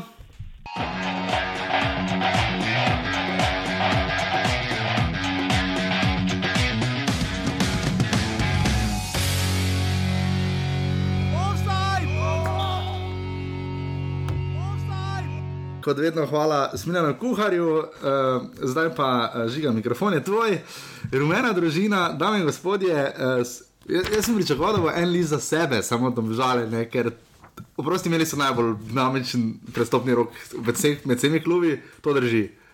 To drži. To drži. Okay. Jaz bi rekel, da je to med top 5 prestopnimi roki v zgodovini slovenskih klubov, med vsemi prestopnimi roki. Med top 5, na peto mesto, recimo, četrto, peto, tu nekje vključujoč Olimpijo po prihodu Mandariča ali pa vmes, njegov, mislim, tretji prestopni rok, vključujoč Mariborske prestopne roke uh, v preteklosti, bi dali zelo visoko lahko. No. Bilo bi to 10, to 5. Mogoče. Recimo, ok, bomo enkrat tudi sestavljali najboljše prestopne roke. Bomo videli, kaj se bo na koncu zgodilo. Z gnezdo črno in podobno. No, ampak... Ja, ker oni še čakajo na Evropo, ponavadi. Uh, Zaradi tega repa, jaz ne. nisem tako prepričan, da to Prodali so samo Šeškota. Zaenkrat, Prodali ja. so ga za, za, za zelo, Dobro, za zelo, zelo lep denar. Zelo lep denar. Tukaj še za 2-3 milijone. 3 milijone bo. To je ogromno. To je ogromno, ampak. To je res koncu, ogromno, že 3 milijone pa pol. Ja, se ne pravim, pa koliko je star, 16-17 let. Na koncu domžale pravijo, da razvijajo igralce. Vsega. Koga, koga pa so spre ekipe prodali? Razen Krševan Santini, ki je dobil ponudbo iz Žagelonije, ki je ni mogel zavrniti, je šel. Koga pa so od mladih igralcev, ki so dali neki razvojni proces skozi. No, čakaj, kaj še imam Santini, da so ga prodali dalje? Ne, so prodali, mogoče, so prodali mogoče gnezdo črino. Ja, čakajo še verjetno, ne? Čakajo. Če bi, če, bi imeli, če bi imeli take Dobro, ponudbe, če bi imeli 5 milijonsko ponudbo, bi ga prodali, se niso neumni, ne? Ja, ampak, ampak pravim, da, so, ampak ja, pravim, da domžale kot sami sebe. Po, Dobro, žiga, čakaj. Ko ne, bo ne, prišla ne, Barcelona, pa dala 25 milijonov za Šamarja, Nikolsona. Samo malo. Ne, okay, ne, ne, razum, ne, ne razumeš, kaj hočem povedati. Domžale sami sebe kličejo, da so klub, ki razvijajo igralce. Domžale iz tega prestopnega roka niso dobene igralce razvile. Ok, dobro, to se strinjam, ampak jih še razvijajo. Am, okay. Ja, ampak. Ampak glede, na, glede so, na prestopni rok, prihodi, ja, glede na prestopni rok se ne smejo več klicati kot, igr, kot poligon za mlade igralce. Josip Čorluka. So, samo ne zato, da bo igrali v Domžalah, pač zato so oni pač dobri. Ne pridite v Domžale, da boste prestopili v Salzburg, recimo. Pa ne moreš to še pri 16 letih. Se strinjam, ok, v redu. Gremo zdaj v drobove. Oni grejo v izkušnje. Okay. Za mlade igralce Gre, praktično v prvi postavi ni več. Gremo, gremo, gremo zdaj v drobove. Jure Bohorič mora biti gost za Olimpijo. uh, na mesto vratarja je bilo kar pestro pri njih, uh, Dejan Milič je končal kariero. Uh, Kršen Santini je čudo, uh, ker pač bil je po svojem golman, ni branil najboljše, potem so ga podaljšali, uh, ga v celoti pripeljali in potem je odšel, kar je kar dober biznis. To absolutno dobro počne in prišel je Grega Sorčan. dobro. Uh, Kak je to s Gregom Taki Sorčanom? On je še imel prestop- po- On ima še pogodbo v Vsi Gorici. so ga odkupili. Za koliko ima? In to pa ne vem, To pa niso vedeli. Okej. Ampak taki prestopi, mo- če se domžale kliče, zato kaj se, Ja. taki prestopi morajo biti vodilo. Gre gnezda Čirin, pripelje mladega slovenca, oziroma ali pa iz mlade šole, da Karič. naprej.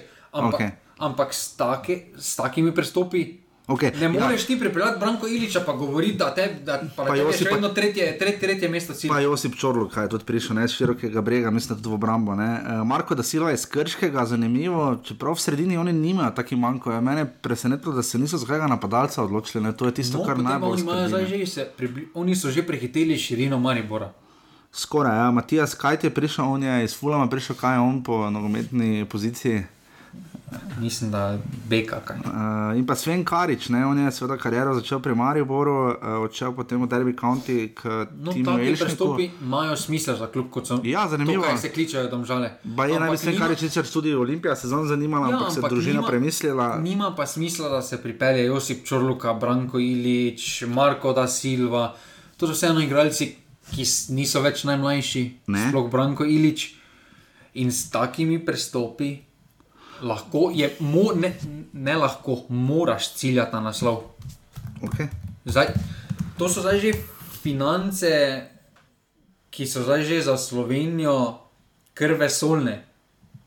Dobro, Branko In Ilič more biti- samo malo Branko Ilič ima neko čustveno navezavo na domžale, ne? tam si je naredil kariero. Ne, Pa nazadnje, najverjetneje ne. ni prišel zaradi banan, pa Stenviča. Ni, ampak on je tam šel v Betis, ne. iz domžal, ne, tako da v bistvu se je Jaz tam naredil kariero. Okay, vredo, prišel za vredo, nekajkrat. pa bil je kapetan Pa Olimpije. nima ne. smisla iz tega, da imaš Klemenčiča plus dobrovoljca na tem položaju. In Mogoče bo kdo šel, mogoče bo dobro volc prodan, ampak dobro volc Če ne bo- Klemenčič. Mogoče, če ne, ne bo, vem. Pa, kaj bi si pripeljal Branko Iliča za, za klop?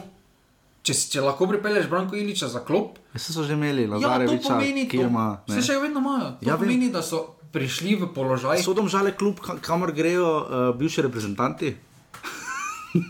Šlo za Vedno je klub. Reviča, Kirma, Iliča, ne, dro, eh, Kirme, me že odšel v Bravo, ampak. ne, eh, ampak domžale imajo zdaj že taki kader, pa taki prestopni Ti zdaj res- smejo skrivati. Jaz mislim, da, ambicij, ja, grejo za jaz mislim, da uh, bi In- morali iti v troboj letos. Ne, ne skriva, to se In strinjam. In to, da mi potem bo Simon Rožman še vedno po vsaki tekmi povedal, ko ne bo šlo, če smo probali. Čakamo na prestopni rok. Pa bomo šli, Novembra. bo potem celi, celo jesen govoril, da so čakali zaradi prestopnega roka, pa da je težko na novo sestavljati. Okay, kaj so pokazali Oprosti. njihove priprave, žiga? Uh, razen to, da so naj, njihove najboljše priprave je pokazal Šamar Nikolson. Oprosti, on je na televiziji izgledal proti Ameriki, igralec za 25 milijonov dolarjev. vsaj, vsaj. Jaz ne vem, kak je to isti človek, ki igra v Sloveniji. Ameriški branilci tudi niso neki biseri. Ja, niso samo modele, res, mislim, na Gold Cupu je, na. Gold Cupu je vrhunsko igral. no, On je igral tudi, na, on, tudi da pohara slovensko ligo. On je moral biti trikrat najboljši strelec Ja, s dom- 35 goli. Dom, domžale vseeno igrajo malo drug sistem, Vem, vem. Vem, vem, vem. Za take napadalce kot je on. Ni za najboljši, ampak domžalske tudi- okay, priprave, res niso zbirali najmočnejših tekmecev, Okay. ampak Premagali so najprej mladince, to mora biti, to mora biti kar pestra tekma, ker imajo res dobro mladinsko šolo, so zmagali s 3-1. Potem so si nabrali šampion, ga nabili z 10-0. Uh, potem so izgubili proti Radničkem, nič 2, premagali lokomotivo za 1 nič, zadev gnezda Čerin in potem premagali še Sarajevo s 3 proti 2, Kolobarič, Čorluka in Dobrovoljc, uh, ter potem še premagali Voždovac, Kolobarič se je izkazalo. Sarajevo je bosanski prvak. Ja, Igra kvalifikacije. ja zdaj je proti Celtiku. Ja. Ja. Glede na priprave, glede na prestopni rok, prosim, domžale, če to poslušate, rad imam klub kot taki, ker dobro delajo. ja, zelo dobro Ampak- dela, mladinska šola nora. Ampak moti me samo to, da bodo še vedno po takem prestopnem Mogoče ne bo, roku. mogoče ne bo. Če ne bodo, bomo mi spraševali, se upravičujem. Letos bo offside absolutno postalo več vprašanj na tiskovnih konferencah, to je tudi moja želja. Ampak- se absolutno strinjam, domžale igrajo prvo tekmo, igrajo doma, igrajo z, uh, rud, z rudarjem v nedeljo ob 9. tudi tega termina. ne Je že kdo da je ob 9. pri nas, mislim, da ne, to je že španski termin. Igrajo z rudarjem doma, potem ko se vrnejo iz Malte, v četrtek igrajo proti, jaz hočem vedno reči Baltazar, uh, proti Balzanu na Malti in potem še igrajo povratno tekmo doma. Imajo pa potem kar pester žreb naprej, ne? uh, mislim, da oni koga fašajo potem. Um, Jo, Fejs pestrega, mislim, da lahko fašajo. Uh, tako da bo za njih to kar fejs pestro. Žiga, um, potem imajo, uh, domžale imajo, potem pa že takoj po tem dve, dvojnem evropskem terminu, naslednjo nedeljo, potem pa jih čaka ob 20.10 doma, imajo gostovanje v Stožicah proti Olimpiji. Ne. Tu bo že marsikaj vidno. No, ampak to, da Olimpija in Maribor prestopni rok nista nič kaj konkretnega pripeljala, kvečema sta več kvalitete. No, Maribor je. Ja, ampak Maribor je iz konkurence imel. Ja, dobro, ok. Ja, ja, Ni okay. nič pripeljal iz, druge, iz drugega slovenskega prostora, zdaj pa ene domžale, mislim, da so prišle na nivo, kjer mora, kjer mora vodstvo zahtevati, vsaj za drugo mesto, mislim, da jim mora biti cilj.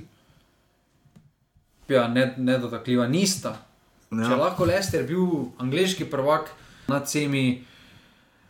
Če lahko Atletico meša streme v Barceloni, pa Ja. konkretno nad drugimi slovenskimi klubi. Če malo domžale premagajo Maltežane in Mladen Ibrahimovič, to gremo, če bomo tu, bi, To mislim, pokne, to, to gremo. misliš?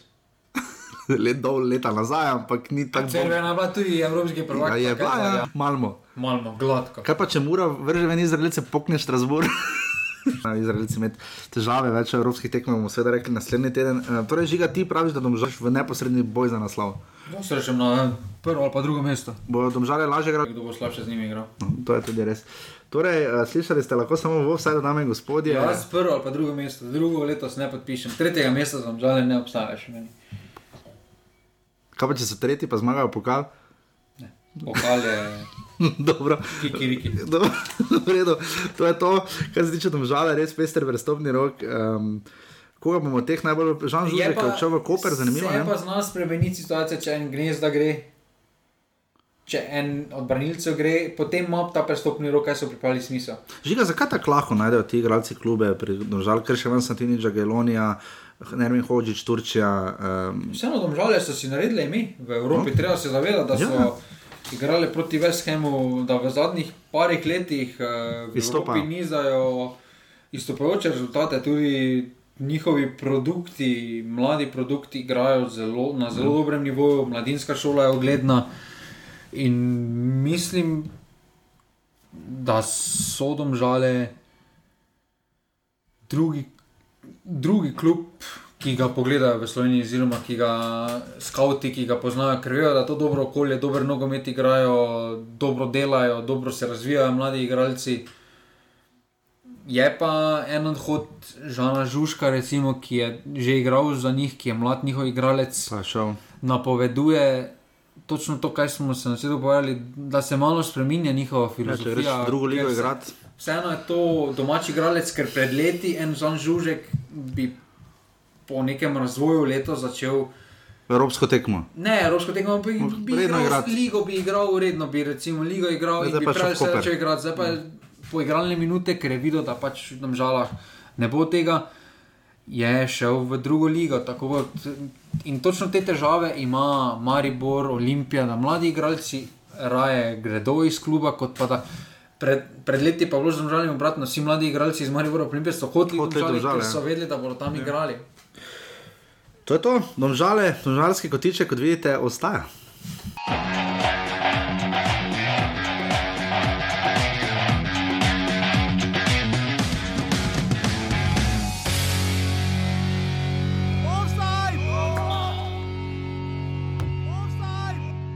Nogometni klub Olimpija, Ljubljana, um, ja, pester pristopni rok, no, to moramo reči. Pa samo reči, če išče kulico.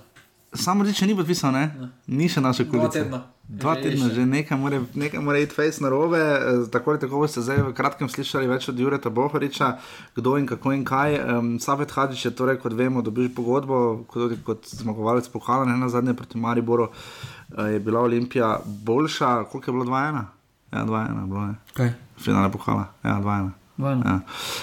Um, ko smo bili v celju, uh, žiga pred nami besedo Juretu. Um, najmanj burn prestopni rok, če odštejemo to, kdo bo lastnik Olimpije. Ma ni najbolj burn. Najmanj pravi burn.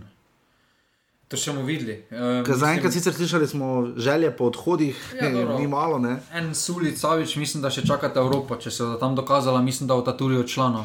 Zakaj pa ni Glede na to, da so pripeljali Menala še Vukošiča, uh -huh. Črnice vraca s poškodbe, en od kreativcev bo zagotovo šel, no pa če kiči še tukaj, Ki se zelo kreativcev bo po mojem mnenju zagotovo šel za vprašanje, kdo je to. Jaz mislim vseeno, da bo Sulič šel, pa tudi Savič, da bo tako oba odšla. No. Ja, zdaj, um, žiga, uh, zakaj ne vidimo še brani za Olimpijo? Nema pogodba potekla. Ja, po, uradno ni doben povedal, da je podaljšal, najverjetneje podaljšal. ampak še Ja, ni nima, tudi na transfermarktu, poleg tega player agent piše nov agent.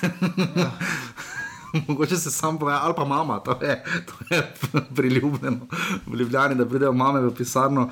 Um, zdaj, prestop, ki je odmeval, tudi delno zaradi intervjuja, je bil seveda Denis Šmene, ki je pač v Mariboru mu je eh, potekla pogodba in se je odločil uh, za Olimpijo. Um, Je to bilo kakorkoli, ni bilo toliko nujno pogojeno z samimi pogoji, da je Mir Zamučič odšel.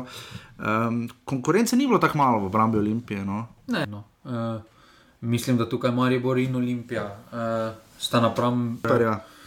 Pa tudi Golman. Tu ne, nazadnje. nekaj Štiglec je dal kar veliko stabilnost, uh, pa tudi drugih. Uh, Maksimenko, ne? Pa tudi. Maksimenko ni, pa tudi pake male te hitro, se hitro kaznujejo, uh, tudi na teh težkih tekmah. Pa v bistvu je ključni Obramba problem. je največji problem. Ja. V napadu se mi zdi, da imajo preveliko vino, saj so z menalom dobili še dodatnega Mhm. igralca, Vukušič. Ima svoje posebej svoje karieri, videli smo pri Krškem njegove prebliske, ampak se mi zdi, da je tam malo. tudi- Um, tu se definitivno pri Olimpiji bo poznalo, zdaj na pripravljenih tekmah so razen proti šljive. Ampak dobro, uh, sem čisto na vsaki tekmi dobili gol, uh, remisili z Dinamom, ena proti dve, pa tudi za Škendijo, nič proti ena. Fajn tekme bom pripravljen. Fajn tekmeci, tu ni nič, no, tu so si tekmice pomeri zbrali. Se ti ima dve težki poškodbi že za sabo. Na Ja. football managerju je zelo dobro. na, menedžer, na football menedžerju. Safet Hadžič bo tudi ključna ikona, sploh zdaj tekmi, ko so potem izpadli ne, eh, proti Slovaku. Mislim, da eh, zdaj jih čaka spor, mislim, da eh, takoj zatem. Um, predvsem štart v sezono bo ključen in pa do tega tedna, do srede, kdo bo lastnik Olimpije, ali bo to še naprej Milan Mandarič ali bo to nekdo drug. Uh, Olimpija v prvem kiški v Ljubljani. Potem ima pa dve res zahtevni tekmi ne, in to v trdem evropskem ritmu. To je žreb, eh, hitro se poigra. Uh, Stavo videli smo tudi, da še ena blokada v žrebu Slovenske lige, da je prvi derbi v, od sedmega kroga naprej, da se začne z septembrom. Predvsem že zaradi ljudi, ne? letos imamo, Ja, kar se od- žreba ker tiče, imamo, imamo res tukaj nesmiselno. Letos imamo dva grozna termina za derbi, oba sta v Mariboru. Prvi derbi je 27. julija, verjetno bo celo 28. julija v nedeljo, če bo odigran. Jaz bi rad videl, da je. Drugi je pa še slabši termin, ne pa 7. december, torej oba derbija bosta letos v Mariboru, to se vidi, kako imamo pa težavo z. Letos imamo res dosti krogov v jesenskem delu, znova eh, ne bo polovica, če bo seveda vreme zdržalo.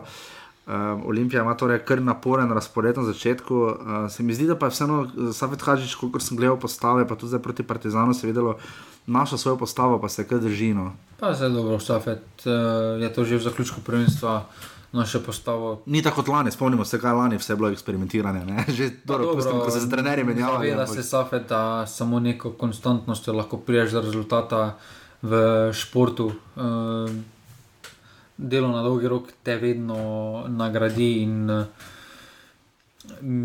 če, bodo malo bolj sta, če bodo malo bolj stabilni klub postali, uh, kar bo vse imelo malo več repa in glave, kar te priprave. Kažejo, da so se malo bolj z glavo lotili teh priprav, glede izbire tekmecev in podobno. Mm, se obeta kar pestra liga. No. Ja, res je. Žiga še to, kdo bo um, nadomestil najbolj roka krona vetra. Mislim, da bo, če ostane, bo sulič, drugače pa menalo. No. Ja, pa mogoče tudi če kiči, ne? ki se tudi dokazuje. Proti koncu sezone se je kar fejs dokazoval. No? Dobro, ampak tam ni imel pritiska. Ja, to je res, to je res. Zdaj pa je malo drugačni status. Tako, zdaj pa bo več o Olimpiji in njenem poletju povedal Jure Bohorič.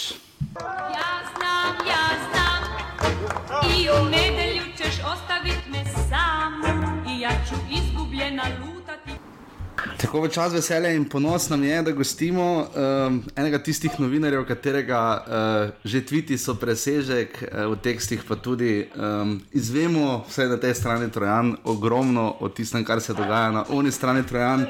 To je seveda Jure Bohorič uh, iz uh, športnega časnika ekipa SN oziroma ekipa 24. Jure, zdravo, servus. Pozdravljeni, pozdravljeni. Jure, um, ti si strokovnjak danes tukaj za Olimpijo. Da mi najprej povej, uh, vse nas to zanima, uh, kdo je trenutno lasnik Olimpije? ja, se mislim, da to kar vse zanima. No. Uh, na papirju je seveda še Milan Mandarič. Uh -huh. Bi pa že v tem tednu lahko prišlo do nekih uh, ključnih sprememb. Uh, vse pa je seveda povezano z denarjem. Ne. Če bo tale Gabriel Nardin, ki se ga omenja kot potencialnega naslednika, Milan Mandarič plačal 3 milijone, potem bi lahko se začelo marsikaj spremenjati v Olimpiji. Ampak to je veliko vprašanje, če bo ta denar prišel dejansko. Ja, Jure, ti dolgo časa to spremljaš eh, pri Olimpiji, vidimo, da so te informacije, ki. Uh, jih potem kljub pridno tudi opisuje na svoji spletni strani. Uh, vidimo, kar dosti krat uh, kljub pač demantira, ponuja svoje pač odgovore. Uh, kako, kako poteka ta del pri Olimpiji? Kdaj, kdaj je po tvojem Milan Mandarič začel takt, raz, razmišljati o taktičnem umiku, kot ki se mu reče, seveda prodaja. Kdaj, kdaj si ti začutil, da je to počasi to, ker dal časa govoril, ne bom se omaknil, rad bi Olimpijo spravil do Evrope, najboljši slovenski klub v Evropi. Zdaj pa vidimo, da že kar nekaj časa bi rad odšel, ampak nekako zdvignjeno glavo. Kako mu to uspeva? Uh. Pa jaz mislim, da nekako ta ideja, primerno Mandriču, zori že kakšno leto dni. No? Uh -huh. uh, po tisti famozni tekmi z aluminijem v finalu pokala lansko leto, ko je cel stadion vzklikal Igor Bišen, mislim, da je on takrat dobil občutek, da, da ni več zaželen, oziroma da to ni to, kar on želi. Uh mhm. -huh. In mislim, da je takrat se že začelo dogajati to v tej smeri pač njegovega odhoda. Uh mhm. -huh. Ker vemo, kaj je pa sledilo. Recimo tistega jesen, tisto jesen, ne, tako imenovana racionalizacija stroškov, odhod uh mhm. -huh. Branka Iliča in teh igralcev. Uh -huh. Takrat se je dejansko že začel pripravljati poligon za, za to, da bi Milan Mandarič se omaknil iz Olimpije. Uh -huh. Jure, zelo dobro spremljaš, zelo dobro to poznaš. Spomnim se tekme v Velenju, ko je Olimpija osvojila ta Olimpija, svoj prvi naslov. Ne? So uh -huh. Milana Mandariča praktično nosili po rokah, mu skandirali in tako naprej. Kaj se je tu glavno spremenilo? Kaj bi ti rekel? Ja, to je fascinantno. Ja. Bistu, jaz sem se živo spomnil te tekme, kako uh -huh. je mhm. bilo po tekmi, ko je imel manjši odhajal iz stadiona in tam je bil koridor navijačev, uh -huh. ekstatičnih, so ga polivali s pivom, praktično metali v zrak. Uh, to je bila res taka ljubezen, v bistvu, ki se je zdela, da nikoli ne bo izginila. No? Uh mhm. -huh. Potem pa vse vemo, kaj se je dogajalo. Potem pa ta vzorec nerazsodnega vodenja kluba je bil vedno bolj očiten. Uh, nekaj časa je še trajalo, preden so ljudje nekako razumeli, dojeli to. Uh -huh. uh, ampak vse težko spregledaš, vse težko si eh, tako naiven, da, da ne vidiš, kaj se dejansko dogaja. Ne? Ko nekdo recimo, zamenja pet trenerjev, odpusti trenerja z dvojno korono, ko, ko nima direktorja, ko se igravci menjajo po tekočem traku, kako boš to recimo, nekako uh, razumel kot. Uh, človek, ki, ki ima svojo glavo, svoje, svoje razmišljanje, svoj pogled. Hitro mhm. ugotoviš, da nekaj tukaj ni v redu. Uh, in potem vse kar nekaj časa je trajalo, no, da se je v bistvu vse to zgodilo, to ta preskok v, v priljubljenosti Milana Mandariča. Ampak vse so bile ključne te zadeve, recimo ne, vrnitev Ranka Stojiča, odhod uh -huh. Luke Elznerja, uh, potem s temi Branko Miličem, recimo, kaj so naredili. Uh, Prihod raznih, ne vem, kar je Selimovičev, Igor Bičen, kako je mogoče. Vse to je pač malo po malo in je prišlo do, do tega, da danes je Milan Mandarič praktično v Ljubljani skoraj nima več nobenega podpornika, oziroma je teh zelo, zelo malo. Mhm, zdaj, no, tudi na tekme, včasih se spomnim, kakšne dve sezone nazaj šel na, vse gost, na vsa gostovanja, zdaj se mi zdi, da včasih se je znalo tudi zgoditi, da ni šel na tekmo. Ne? Pustimo Maribor. uh, Jure, to mi pove, kdo je potem eh, zdaj v glavnem skrbel za prestopni rok pri Olimpiji? Ja, to je pa zelo zanimivo vprašanje. že nekaj časa se dejansko ne ve, kdo pije, kdo plača. No, mogoče kdo plača, že kdo pije, pa sigurno. Uh, Neznanka velika, ne? tukaj je nekaj ljudi pri koritu, ki odločajo vsak po svoje. Uh -huh. uh, vemo, kako je Safet Hačič nastopil na prvem uh, medijskem zboru pred to sezono. Ne? Jaz želim odločati, ampak pri Olimpiji tako ne gre. Ne? Trener ne more samo odločati, potem so tukaj recimo določeni tako imenovani agenti, ki so blizu Milana Mandariča, te pripeljejo kakšnega svojega igralca, potem je tukaj kakšen osebni svetovalec Milana Mandariča, ki reče, tale je dober, pa potem en igralec pride. Uh, ampak v tem prestopnem roku se je to kar malce zajezilo. No? Uh, verjetno z razlogom, mhm. verjetno ni uh, se zgodilo neka sprememba v poslovanju, ampak je ta, ta, te pogovori z Italijanom, ne tem naredinom, so naredili svoje. Ne? Pač mhm. dejansko, kar je paradoksalno, Olimpija je dočakala mir. Zdaj, ko se mi Mandarič pogovarja, da bi šel uh, iz kluba, kar je malo hecno, ampak tako je. Zdaj v celju se, se mi je zdelo nekako, slavje je bilo seveda prisno v finalu pokala, ampak. Uh, ni ušlo, ne? potem je tudi Dino Štiglec že vmes odšel, um, tudi izjave, recimo nekaterih Suliča, Saviča in tako naprej. Kako se zdaj to pozna pred začetkom nove sezone, zdaj recimo na generalki za Partizanom, ki je Olimpija dobila ena proti nič. Kako se pri teh igralcih zdaj ta poznata neka kemija, želja po Evropi, novi sezoni, uh, spet splezati nazaj morda na vrh eh, prve slovenske lige. Ne? Koliko se zdaj to, ta kemija pozna, ne? se je prišel recimo Denič Me, Vukošič menalo, kaj, kaj bi tu rekel, kako se je to spremenilo, ta kemija v ekipi?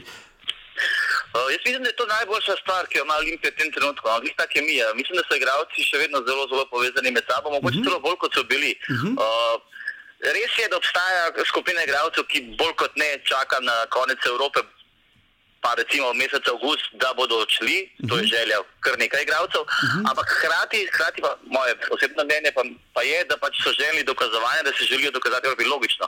Ker če greš dobro v Evropi, če se dokažeš se boš lažje prodal. Uh, in tukaj bi jaz dal veliko zaslug Sašu Tohačiču, ker mislim, da je te fante znal nekako uh, umiriti, da so z glavami pri stvari.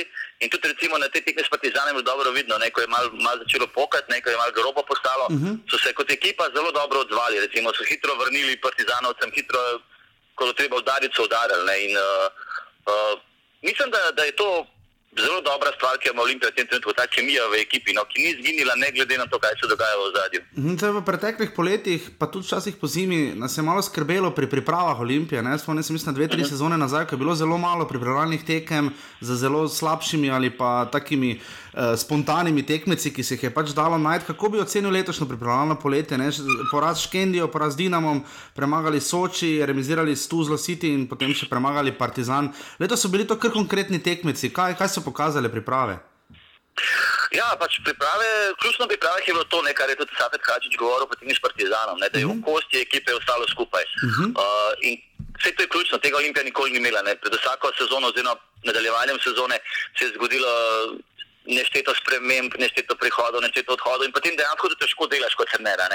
Uh, tokrat pa, če odmislimo Dina Štiglesa in Roka na vetra, uh, praktično je prestopni rok zelo dobro potekal v Ljubljani, ne prihod Šmeja, Vukošiča, uh -huh. Menela, to so, se mi zdi, kar kvalitetni igravci. Uh, hkrati, hkrati, ja, so pa tudi kvalitetne nasprotnike našli, recimo par dobrih tekem so odigrali. Uh, tako da ne vem, jaz mislim, da je Olimpija nadgradila to svojo podobo izpred konca uh, pretekle sezone. No? Uh mhm. -huh. Mislim, da, da bi znala biti pre, presenečenje. Seveda, pa nihče pa ne ve, kaj se bo zgodilo, recimo morda že v tem tednu, ne, ko naj bi Gabriel naredil nakazal prvo polovico kupnine. Uh mhm. -huh. To je pač ta velika neznanka, ki kdo, kdo ve, kako bo vplivalo. Recimo, primer, hipotetično gledano, če pride vem, novi športni direktor, novi lasnik, kaj bo to prineslo, kako bo to vplivalo na ekipo. Uh mhm. -huh. to bo, bomo videli. No.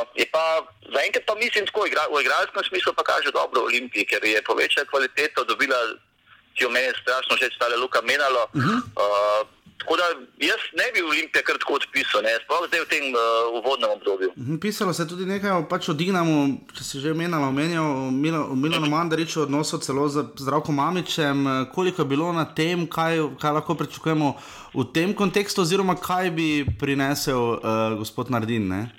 Mhm.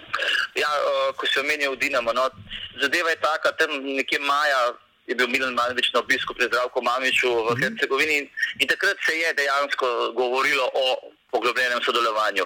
Malo kasneje, mislim, da je bila ta domača tekma z aluminijem, so bili tudi recimo tukaj odprava, Dinama je bila uh, v Ljubljani.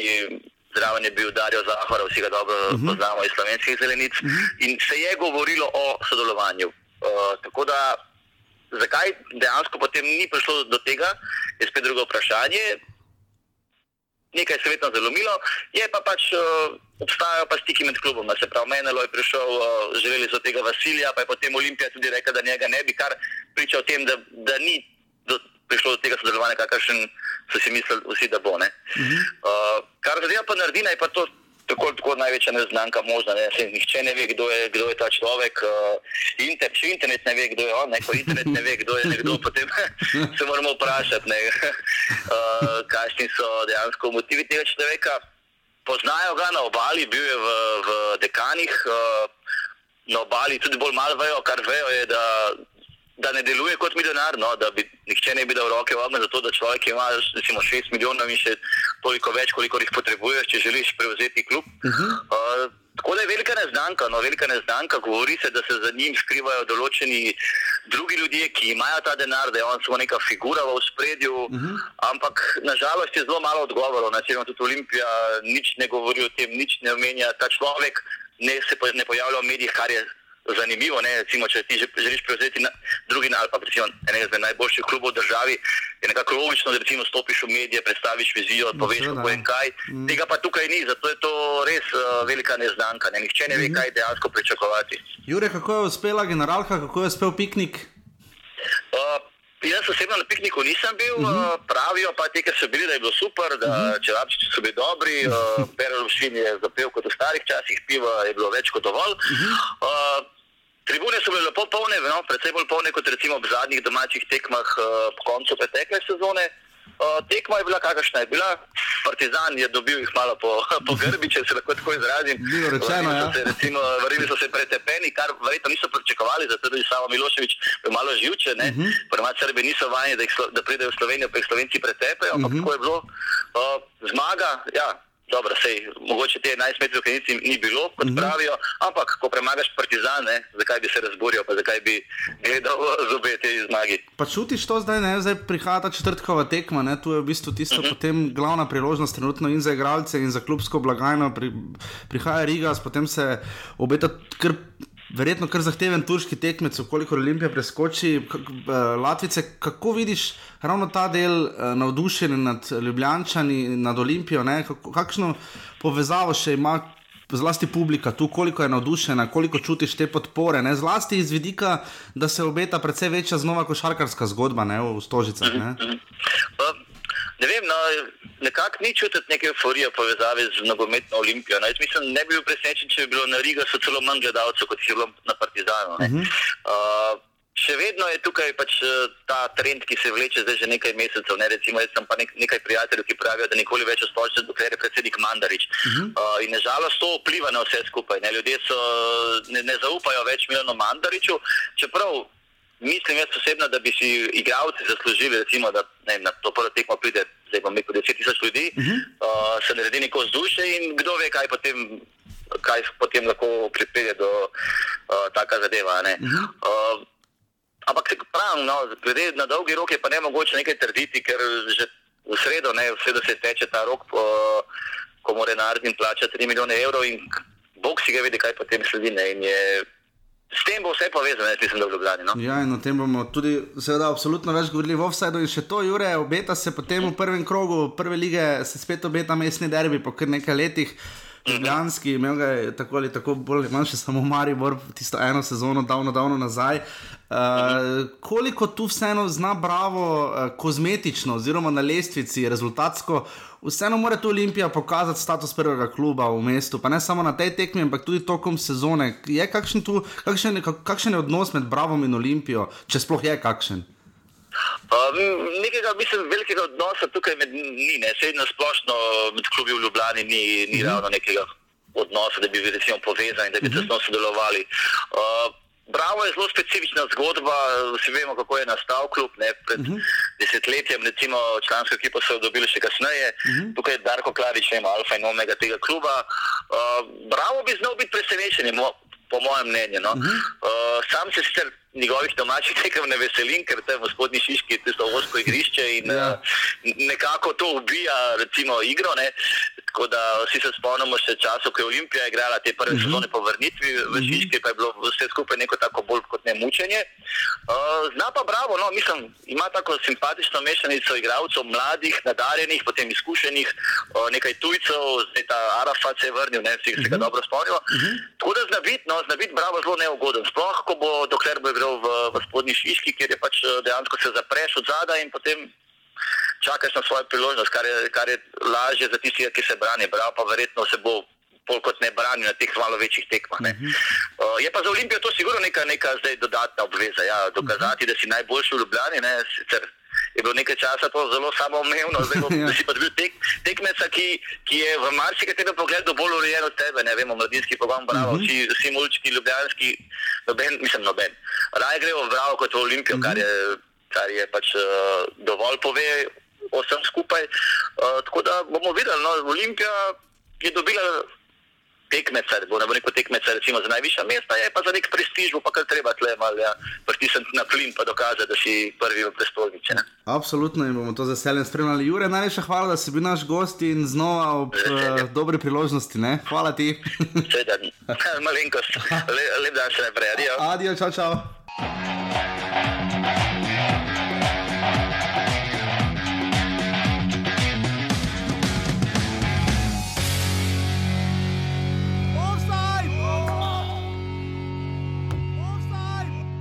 In smo še na koncu pri državnih prvakih, 15-kratnih iz eh, ljudskega vrta, pri Mariboru. Um, poletje, ki jaz moram reči, da me je zelo presenetil, pa ne najbolj pozitivno. Um, malo se mi zdi slabe volje, da ko mi nič po zadnji tekmi proti HNK Gorici, 4 proti 1 je Maribor dobil. Um, Darko Milanič ima problem, ki ga v Mariboru ne vidimo pretirano pogosto, pa če je, zna potem kar hitro včasih početi. Trenutno ima Darko Milanič težavo, da ima skoraj da bolj sladke kot druge skrbine.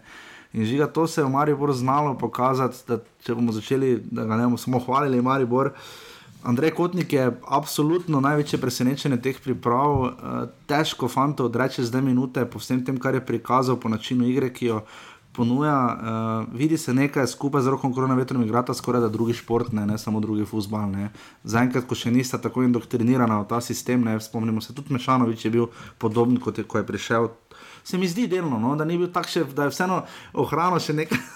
Ne morem- je še proti Ankaranu, prvi gol. Vem, ampak se mi zdi pač, da ohraniš to neko, da zdaj, ko ga pa proba, zem, Mešanovič je vedno enak. ampak se mi zdaj Vedno zdi, samo laufa. Ja, ampak zdi se mi zdaj, ko mu je imel nič dal vlogo v napadu, da mu je rekel, zdaj pa bodi to, kar si bil v Bosni, da je pozabil ta futbal, podobno kot Ja, se je zgodilo. Dobro, ampak podobno kot se je zgodilo tudi z Bajdetom, smo videli tudi v nekaterih Bajdet pa priložnostih. se ne Tudi najprej- Boharju se je to poznalo vmes. Pač samo pravim, da pridejo igralci v Maribor in se lahko indoktrinirajo, marsikaj tudi lahko na forumih, komentarjih preberemo, da igralci postanejo počasnejši, bolj del sistema, da zgubijo nekaj tistega šmeka, ki ga imajo. In Andrej Kotnik in Rok Korona Veter, meni se na trenutke zdelo, da je Rok Korona Veter toliko, da ni hotel, če rekel, pazi na poti si mi. ne. Taki občutek sem dobil. Če marsikomu napad. No, se to pravim, čeprav je tudi on zna imeti svoje prebliske, ampak odvisno zelo od tekmeca žiga. Uh, Rudi Požagovance še dobil, seveda, zelo malo minut, ampak pokazal uh, zelo veliko željo, pa izjemen sogovornik. Uh, to se poznate novincem. Kotnik je rekel, da ima zelo rad uh, pritisk. Uh, tudi Požagovance je rekel, da v tem zelo uživa, tudi malo je pikno celje, ko je rekel, da pred toliko publike še ni igral, pa je igral na prijateljskih tekmih v Mariboru. Žiga, Popolnoma pa še Špira Peričiča, ki pa nima najboljšega poletja trenutno za sabo. Kako ti ocenjuješ te prihode? Pa ni problem samo Špiro Peričič.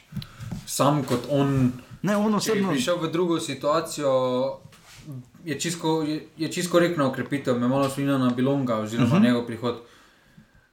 Problem Maribora je, da vse to, kar ima v obrambi, da doben ni to, kar je bil Marko Šuler, torej glas vodja obrambe. Ivkovič smo videli že skozi intervjuje Šulera, da ima probleme z glasnostjo, da ga Šuler sam spodbuja, da naj bo bolj glasen, naj bolj, največ govori. Napaka je začel delati. Spiro ne? Peričič pa je tudi novinec, tudi ne moreš pričakovati mm. da bo takoj zdaj najboljšemu igralcu slovenske lige, zdaj pa ti pa to, pa to, pa to delaj.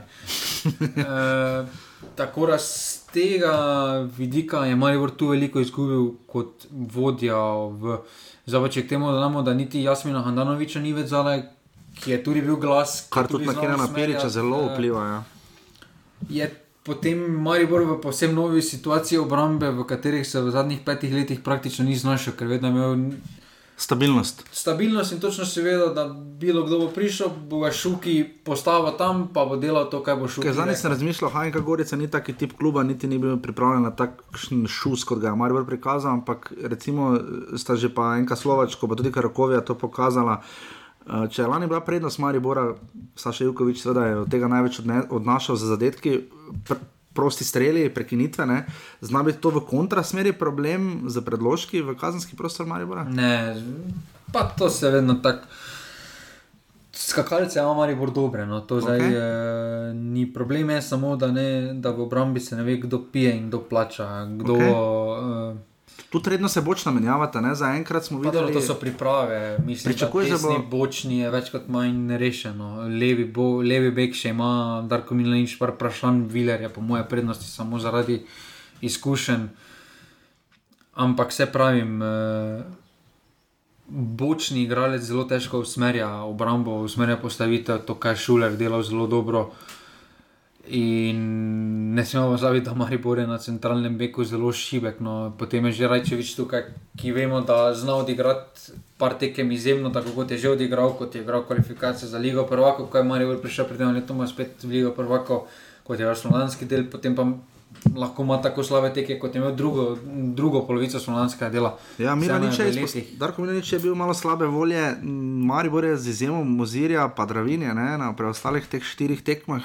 Niti enkrat ni mreža, hrano ne dotaknjene, vedno so gol dobili, ne, to ga je zelo razjezilo. Ja, se to eh, Maribor skozi, pa tudi skozi lanski jesenski del, ko je bila tako dominantna igra. Ne smemo pozabiti, da Maribor je vedno tekme reševal. Prvo je podelal od zadaj, da gola ni dobil, pa. potem pa ko je en zadetek šel noter. Pa Pri Mariboru v slovenski ligi je vedno tako, da en zadetek, ko bo dal, se bo vedno odprlo. Eh, Ostalo kvaliteto, kot je ima zdaj spredaj, verjameš, da boš prej se dal gol, pa ne samo enega, ampak problem pa je, da je od zadaj najprej nula in da imajo potem tisti spredaj malo večji mir, ker zdaj pa če dobiš gol. Si že takoj pod pritiskom, da moraš takoj izenačiti, pa potem še en gol v slovenski ligi, in to je potem čist druga situacija. Zdaj pa te stabilnosti od zadaj več ni. Eh, Okay. Zdaj v sredini Maribor seveda čaka uh, tekmo z Valurjem v sredo in potem povratna doma, če premaga Islance, gre naprej igrati proti prvaku Švedske ali uh, kaj so že Armenije. Uh, Predvidevam, da švedske, ne? eh, če pa izpade, pa dobi kar pester tekmec tuj, ne, uh, pozabo že kdo, ker je to kot tega. Zelo dogorec, tam je pa kar to ne, ne bi bilo lušno, če bi Maribor res padel. Uh, žiga, um, Sredina, da, zdaj pokazala se da Rahmina sistema ne bo spremenil, uh, Maribor bo vztrajal s enim napadalcem, oziroma zdaj se že taka postava celo lahko nariše z Rudijem Požegovancem, da bi Maribor igral celo brez klasičnega napadalca. Ne, to ne. To, Kar je malo, verjetno tega nismo praktično še nikoli videli, ampak no, vidimo, da. sistem se je spremenil napram lani. To, treba To se je, definitivno, ampak zdaj ima Maribor, če ima ki malo tudi težave, ima pa na drugi strani igrišča, ima tri napadalce, ne, uh, Tavaresa, Zahoviča in Mešanoviča. En, enega napadalca. Tehnično gledano, trenutno enega, ne, uh, to je Luka Zahovič, ne, Ja. uh, ki pa je poškodovan, oziroma še ni igral niti minute priprav. Ne, Uh, uh, samo ena napadalca, Mešanovič ni napadalec. Ni napadja, pa tudi Tavares je bolj support striker, pa tudi vid, zdaj se mu že res leta poznajo, sploh za takšne resne evropske tekme. Ne. Dobro, lahko prinese menjava. Menjava, zadrži žogo, eh, to je super, ampak zdaj, da bi na njega samo še računal, je zelo težko. Mešanovič je borec, ampak njegova eksekucija, to več ni niti smešno, niti žalostno. Okay, za klub kot Maribor je malo nenavadno, da, ima, da nima niti štirih napadalcev, klasičnih, proper klasičnih napadalcev, tudi mu lahko vseeno več pa žugli nista klasična Ja. To je napadalca. velika napaka kadrovanja. No, Ja. izgubil si Jana Mlakara. Ja, Uh, še enkrat. Pripeljal pa nisi od, od, od, od napadalcev nisi pripeljal dobene okrepitve. Vse ne rajš pripeljati podobne, oziroma podobne kvalitete kot en makar tako ali tako ni. Ampak da pripelješ vsaj neko opcijo. Uh, Nekaj. še, ker zdaj vseeno, zdaj da celo sezono polagaš upe na, Luka, na Luko Zahoviča, je vseeno kar malo rizično. Malo rizik. Ja, zdaj imel si Štora, imel si Hajriča, imel dobro, si Matka. Vem, ne, ampak recimo oni bi zdaj recimo lahko dobili kot četrto priložnost. Zdaj bi celo sanjal v regi, da bi imel priložnost. Ja, no, ne bi. ne bi, ampak pač Maribor nima štirih napadalcev v tem trenutku klasičnih. Ne? Ja, nima. vse glede na sistem, ki ga igra, ne je več kot dovolj. Ok, dobro, vredo. Če igra z enim Te napadalcem. naj skrbi forma, ker meni se zdi strelska forma Maribora. Ne vem, če bo Maribor tako zlahka zabijal z razdalje, kar je že tako ali tako čudno. Maribor nikoli ni zabijal iz 20 Ja, metrov, dobro, kot počne ta igralcev. Se strinjam, se strinjam, ampak če bo prišla ekipa, ki se bo zelo zaprla, ne, uh, tudi v Evropi, ne na zadnje, vprašanje, če boste kronometer in kotik lahko z takšne razdalje na takšen način zabijala zadetke. Ne. Če gre na privalnih tekmah, zakaj bo ne gre na okay, redu, v tekme, redu. ampak V redu. mislim, da se bo sistem igre tudi malo spremenil z Rudijem Požegom Vancašom, Ok. ko bo prišel v sredino, ker bo Maribor še pridobil na prodornosti v igri ena na ena uh Mhm. -huh. in bo že to razlika, potem pa če daš od spredaj Luko Zahoviča, ki bo s tem tekavanjem, mislim, da roko na veter. Sam veliko raje podaja kot strelja. Ja, zato, ravno, ja. Eh, zato pogreša tistega, Kom bo podal, ne, to, to je ja, vprašanje. Vse Luka bo prišel Ja. prej, okay. nazaj pa bo Marijo ima edino problem, da ni pripeljal zamenjave za Luke Zahoviča. Ja. Uh, in potem ima problem v obrambi, ja. kar pa smo že načeli. Okay. No. Kaj pa uh, varovalke, to, še, to je tisto, kar Darko Milanič se mi zdi, to je njegova osnova, skoraj da še bolj kot obramba, tisto ključno težišče igre. Zdaj vidimo, da Pihler se je sicer tik pred zadnjo tekmo poškodoval, Krecu spet dobiva ogromno minut, uh, žiga se drži za glavo, ogromno minut in bo verjetno kar člampere postave. Blaž Vrhovec ima Evropska spet. liga, kjer bi kam kvalifikacije.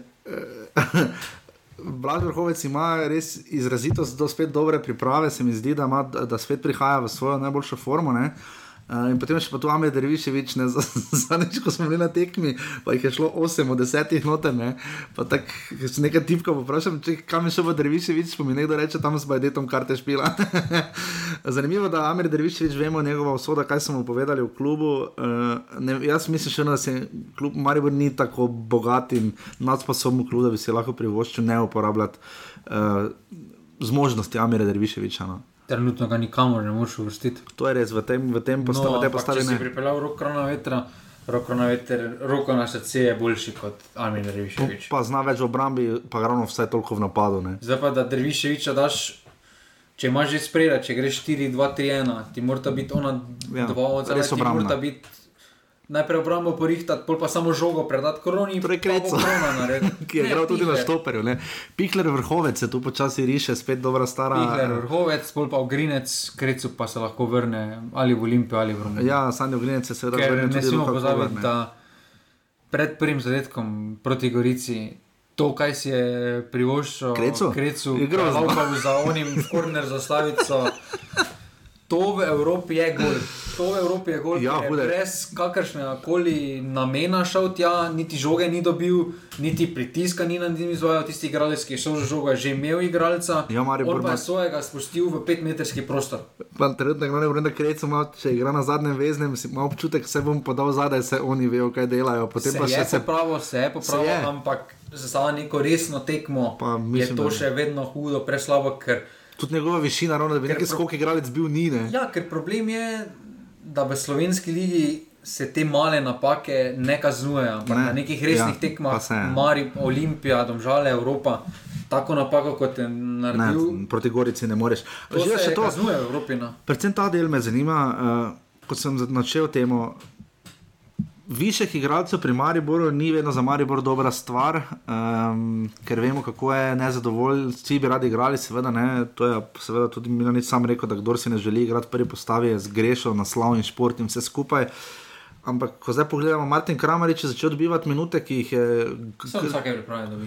konkretno pogrešal. Je, Spomladi, ko ga niti v kadru ni, ve, ve, več časa ni bilo, potem tu je Bajde, ki praktično vprašanje, koliko minut lahko računa, Mulh Husenovič, Žugl, uh, mislim, igralce, koliko hoče sploh v sredini, ne? potem je že omenjeni Derviševič. Uh, kako bom, Darko Milanič uspel, recimo Dino Hotič ima desetko, lepo pogodbo, ne? kako bo on uspel vse to koordinirati? Ne? Dino hotič bo za ligo menjava. Okej. Eh, pri Kramaričevi zgodbi je treba podariti to, da se zaradi spremembe sistema se Maribor potrebuje na krilih igralcev s potezo več. Ja. Eh, To pa zdaj na eni strani Rudi Požek, na Pa drugi strani pa praktično nimaš, kot Ja. se kaže nekaj, ampak kot nekega krilnega igralca. Ni, ker je previs, ni takih Ni, ker konstitucij. je dovolj konkretno, no, ampak potem pa se ti ponuja naslednji Kramarič, drugega krilnega igralca, ki bi bil neki dober, v igri ena na ena, Maribor praktično nima. Ja. In zaradi tega je to za njegova kar zadnja resna priložnost, da se ali se pokaže Mariboru, ali pa bo odšel skozi stranska vrata in to je to. Teda primerjavi z Olimpijo, v bistvu pri Mariboru imamo več vprašanj kot odgovorov, kako bo Maribor izgledal letos. Ne? Pa mislim, da je prva postava narisana. Ampak, ampak- eh, problem so. Obramba edini problem. Okej. no. Res pa, da imaš Piriča, tam vse najboljše za včerajšnji rojstni dan, ki nam Jaz sem tudi imel rojsten dan, ampak hvala, ja vem, da ima na isti dan rojsten dan kot jaz, ja, ampak hvala, hvala, žiga. Uh, mislim, da ti imaš še danes manj napako RTV, zelo. Žiga mi je poslal najboljšo čestitko, Everno. Mari je zmagal v Muzirju proti res fajn postavi, 8 nič, izgubil z Ahmad Groznjem 2 proti 3. uh, zgubil proti Krakovi, z ena proti dve, kotnik zabil, uh, premagal Dravino 10-0, zgubil proti Slovačkem, tista tekma je bila najslabša, po mojem, ne. Tam se je malo bolj Torej, Facebook. treba povedati, da Krakovija, pa recimo grozni, prvi polčas, ko je igrala prva postava, Je manj bilo dobro. Ja, ja, zelo konkretno proti Slovačkem je bilo zadelo, pa prvi slabo. Krakovija, grozni je druga postava. Vem, vem, je ampak- Krecu Rajčevič navezal odločila. Ja, ker proti Slovačkem je pa prva postava zelo slabo igrala. Ja, ne, Slovačko ja, pustim, pa ampak vedno prija na take Hanka tekme. Gorica pa super, pa sploh v tistem nalivu, da je Maribor dal gol za 2-0, noro, dobro. Um, in to je to, kar se tiče Maribora žiga. Uh, Evropska sezona je pred vrati, kot sva rekla, že ta teden takoj. Uh, so vse štiri tekme, to bo zdaj res tekmo nogometa, bo koga hočete. Maribor je igral ob 22 uri po našem času na, rek, na Islandiji pri Valurju. Um, upamo, da bo kakšni, da bo kakšni prenosi vse tekme domače, razen domžal v prenosu. Olimpija je na športklubu. Olimpija na športklubu ob 20 uri, se mislim, da domžale, eh, domžale niso. eh, Domžale igrajo prvo tekmo, mislim, da zunaj. Uh, Ja, obrnili so, Ja, ja. obrnili so ob 18.30 na Malti in pa Mura igra prav tako v četrtek ob 19. uri po našem času uh, v, v Haifi. Uh, potem pa ne pozabite, ta konec tedna se začne 29. sezona prve lige. Ob 18. uri v soboto sta dve tekmi, ob 18. uri tabor Sežana Aluminij, otvoritvena tekma sezone, lani je bila prva tekma v Kidričevem, uh, potem je ob 20. uri 15 Maribor Triglav, uh, potem pa tri nedeljske tekme, Ljubljanski derbi Bravo Olimpija 17.45, celje Mura, revanša za Evropo ob 19. uri na Sadeno zdržele in pa ob 21. uri španski termin, bosta brcala domžale in rudar, ki sta mislim, da lani igrala v prvem krogu. Um, In to je to, hvala Smiljanu Kuharju, hvala Juretu Bohoriču, hvala vsem, da ste prišli do sem tisti, ki ste napišite, ker smo bili spet kult na dolgi, tako pa če, ko se začne sezona, ampak boljše je tako, se mi zdi, kot da bi delili na dva dela, pa da so se mi tudi spočila, nogometa bo ogromno. Uh, Rade Obrenovič se je kar dokazal, ne? Uh, je segla beseda o naših sodnikih tudi do Srbije. Uh, na pripravljalni tekmi 40 gledalcev se je zbralo v Stožicah. Ne? Če si kupil karto za Partizan, si dobil še karto za tekmo z Rigasom, ampak ste se slišali, Jureta Bohoriča, vprašanje, če bo toliko gledalcev v četrtek na tekmi. Fajn bi bilo res letos pojdite na čim več tekem, poslušajte se da offside na urbane.si vprašanje, offside nas lahko podprete, pišite žigi ali meni, žiga bi še karkoli dodala, druga liga se začne seveda šele avgusta, kakšni večji prestopi naših nogometašov, zaenkrat še nič tako grozno velikega. Ja, nič gnezda bo, pričakujem gnezda. Pa tudi mednarodnega ni, zaenkrat je še tam, kjer je bil oblak, verjetno ne bo sledil Exodusu iz Atletico Madrida in vsi ostali bolj ali manj so tam, kjer so ne. Poleg tega, da Damien Bohar pač odprl vrata, ne, ne bi videl krševan Santini, Polske, če ne bi bilo Damena Bohar. uh, zakaj se držiš za glavo, žiga? Vse je solidno, ampak Kombinirali bomo, žiga ima svoje obveznosti, uh, jaz bi rad še kdaj šel v življenje na dopust, uh, tako da bomo sproti, boste vse, o vsem obveščeni, ampak bomo res probala sproti snemati, kot ste vajeni, res hvala vsem, hvala gostoma, hvala tebi žiga za, te, um, za to, da si vse napisal pri domžalah. vse domžale, vedno. Domžale je prvak. To bi bilo res noro, ampak bomo videli. Maribor ima vse štiri evropske tekmene. Glede na to, če bo Krecu postavil prvi, bo samo štiri. Tako da vsi ostali pa igrajo že ta teden, potem pa se začne 29 sezona Prve lige Telekom Slovenije. Offsedo nimamo, seveda ne. Eh, Žiga, če se znajdete v offsedu. Si ni klorbek, ne. Za- Celo sezono odigraš, Ja, prva prija začetek. Oddelaš večino priprav. pa se meni za resne prestope. Ja. Nima sreče. To, Nima to, to, to ne moreš dati, če se znajdete v offsedu. Si se znašel v offsider na pojsle. Ja, da želimo čim prejšnjo okrevanje. Ja, se ni bilo to zelo namerno. Ne, predvsem to, no. res nima sreče. Pač fant, no. nesre, to je bilo samo spletni sletni poudarek, samo kako, n- kakšne nesrečne okoliščine ima. Samo to, ni ni, še, ni še to. vsak nik, lorbek, nik kapun. Ja, ti, ti niki nimajo sreče. Ne, nimajo. Tako da to je to, se slišimo naslednji ponedeljek, hvala, adijo. Hvala, Dio. Ja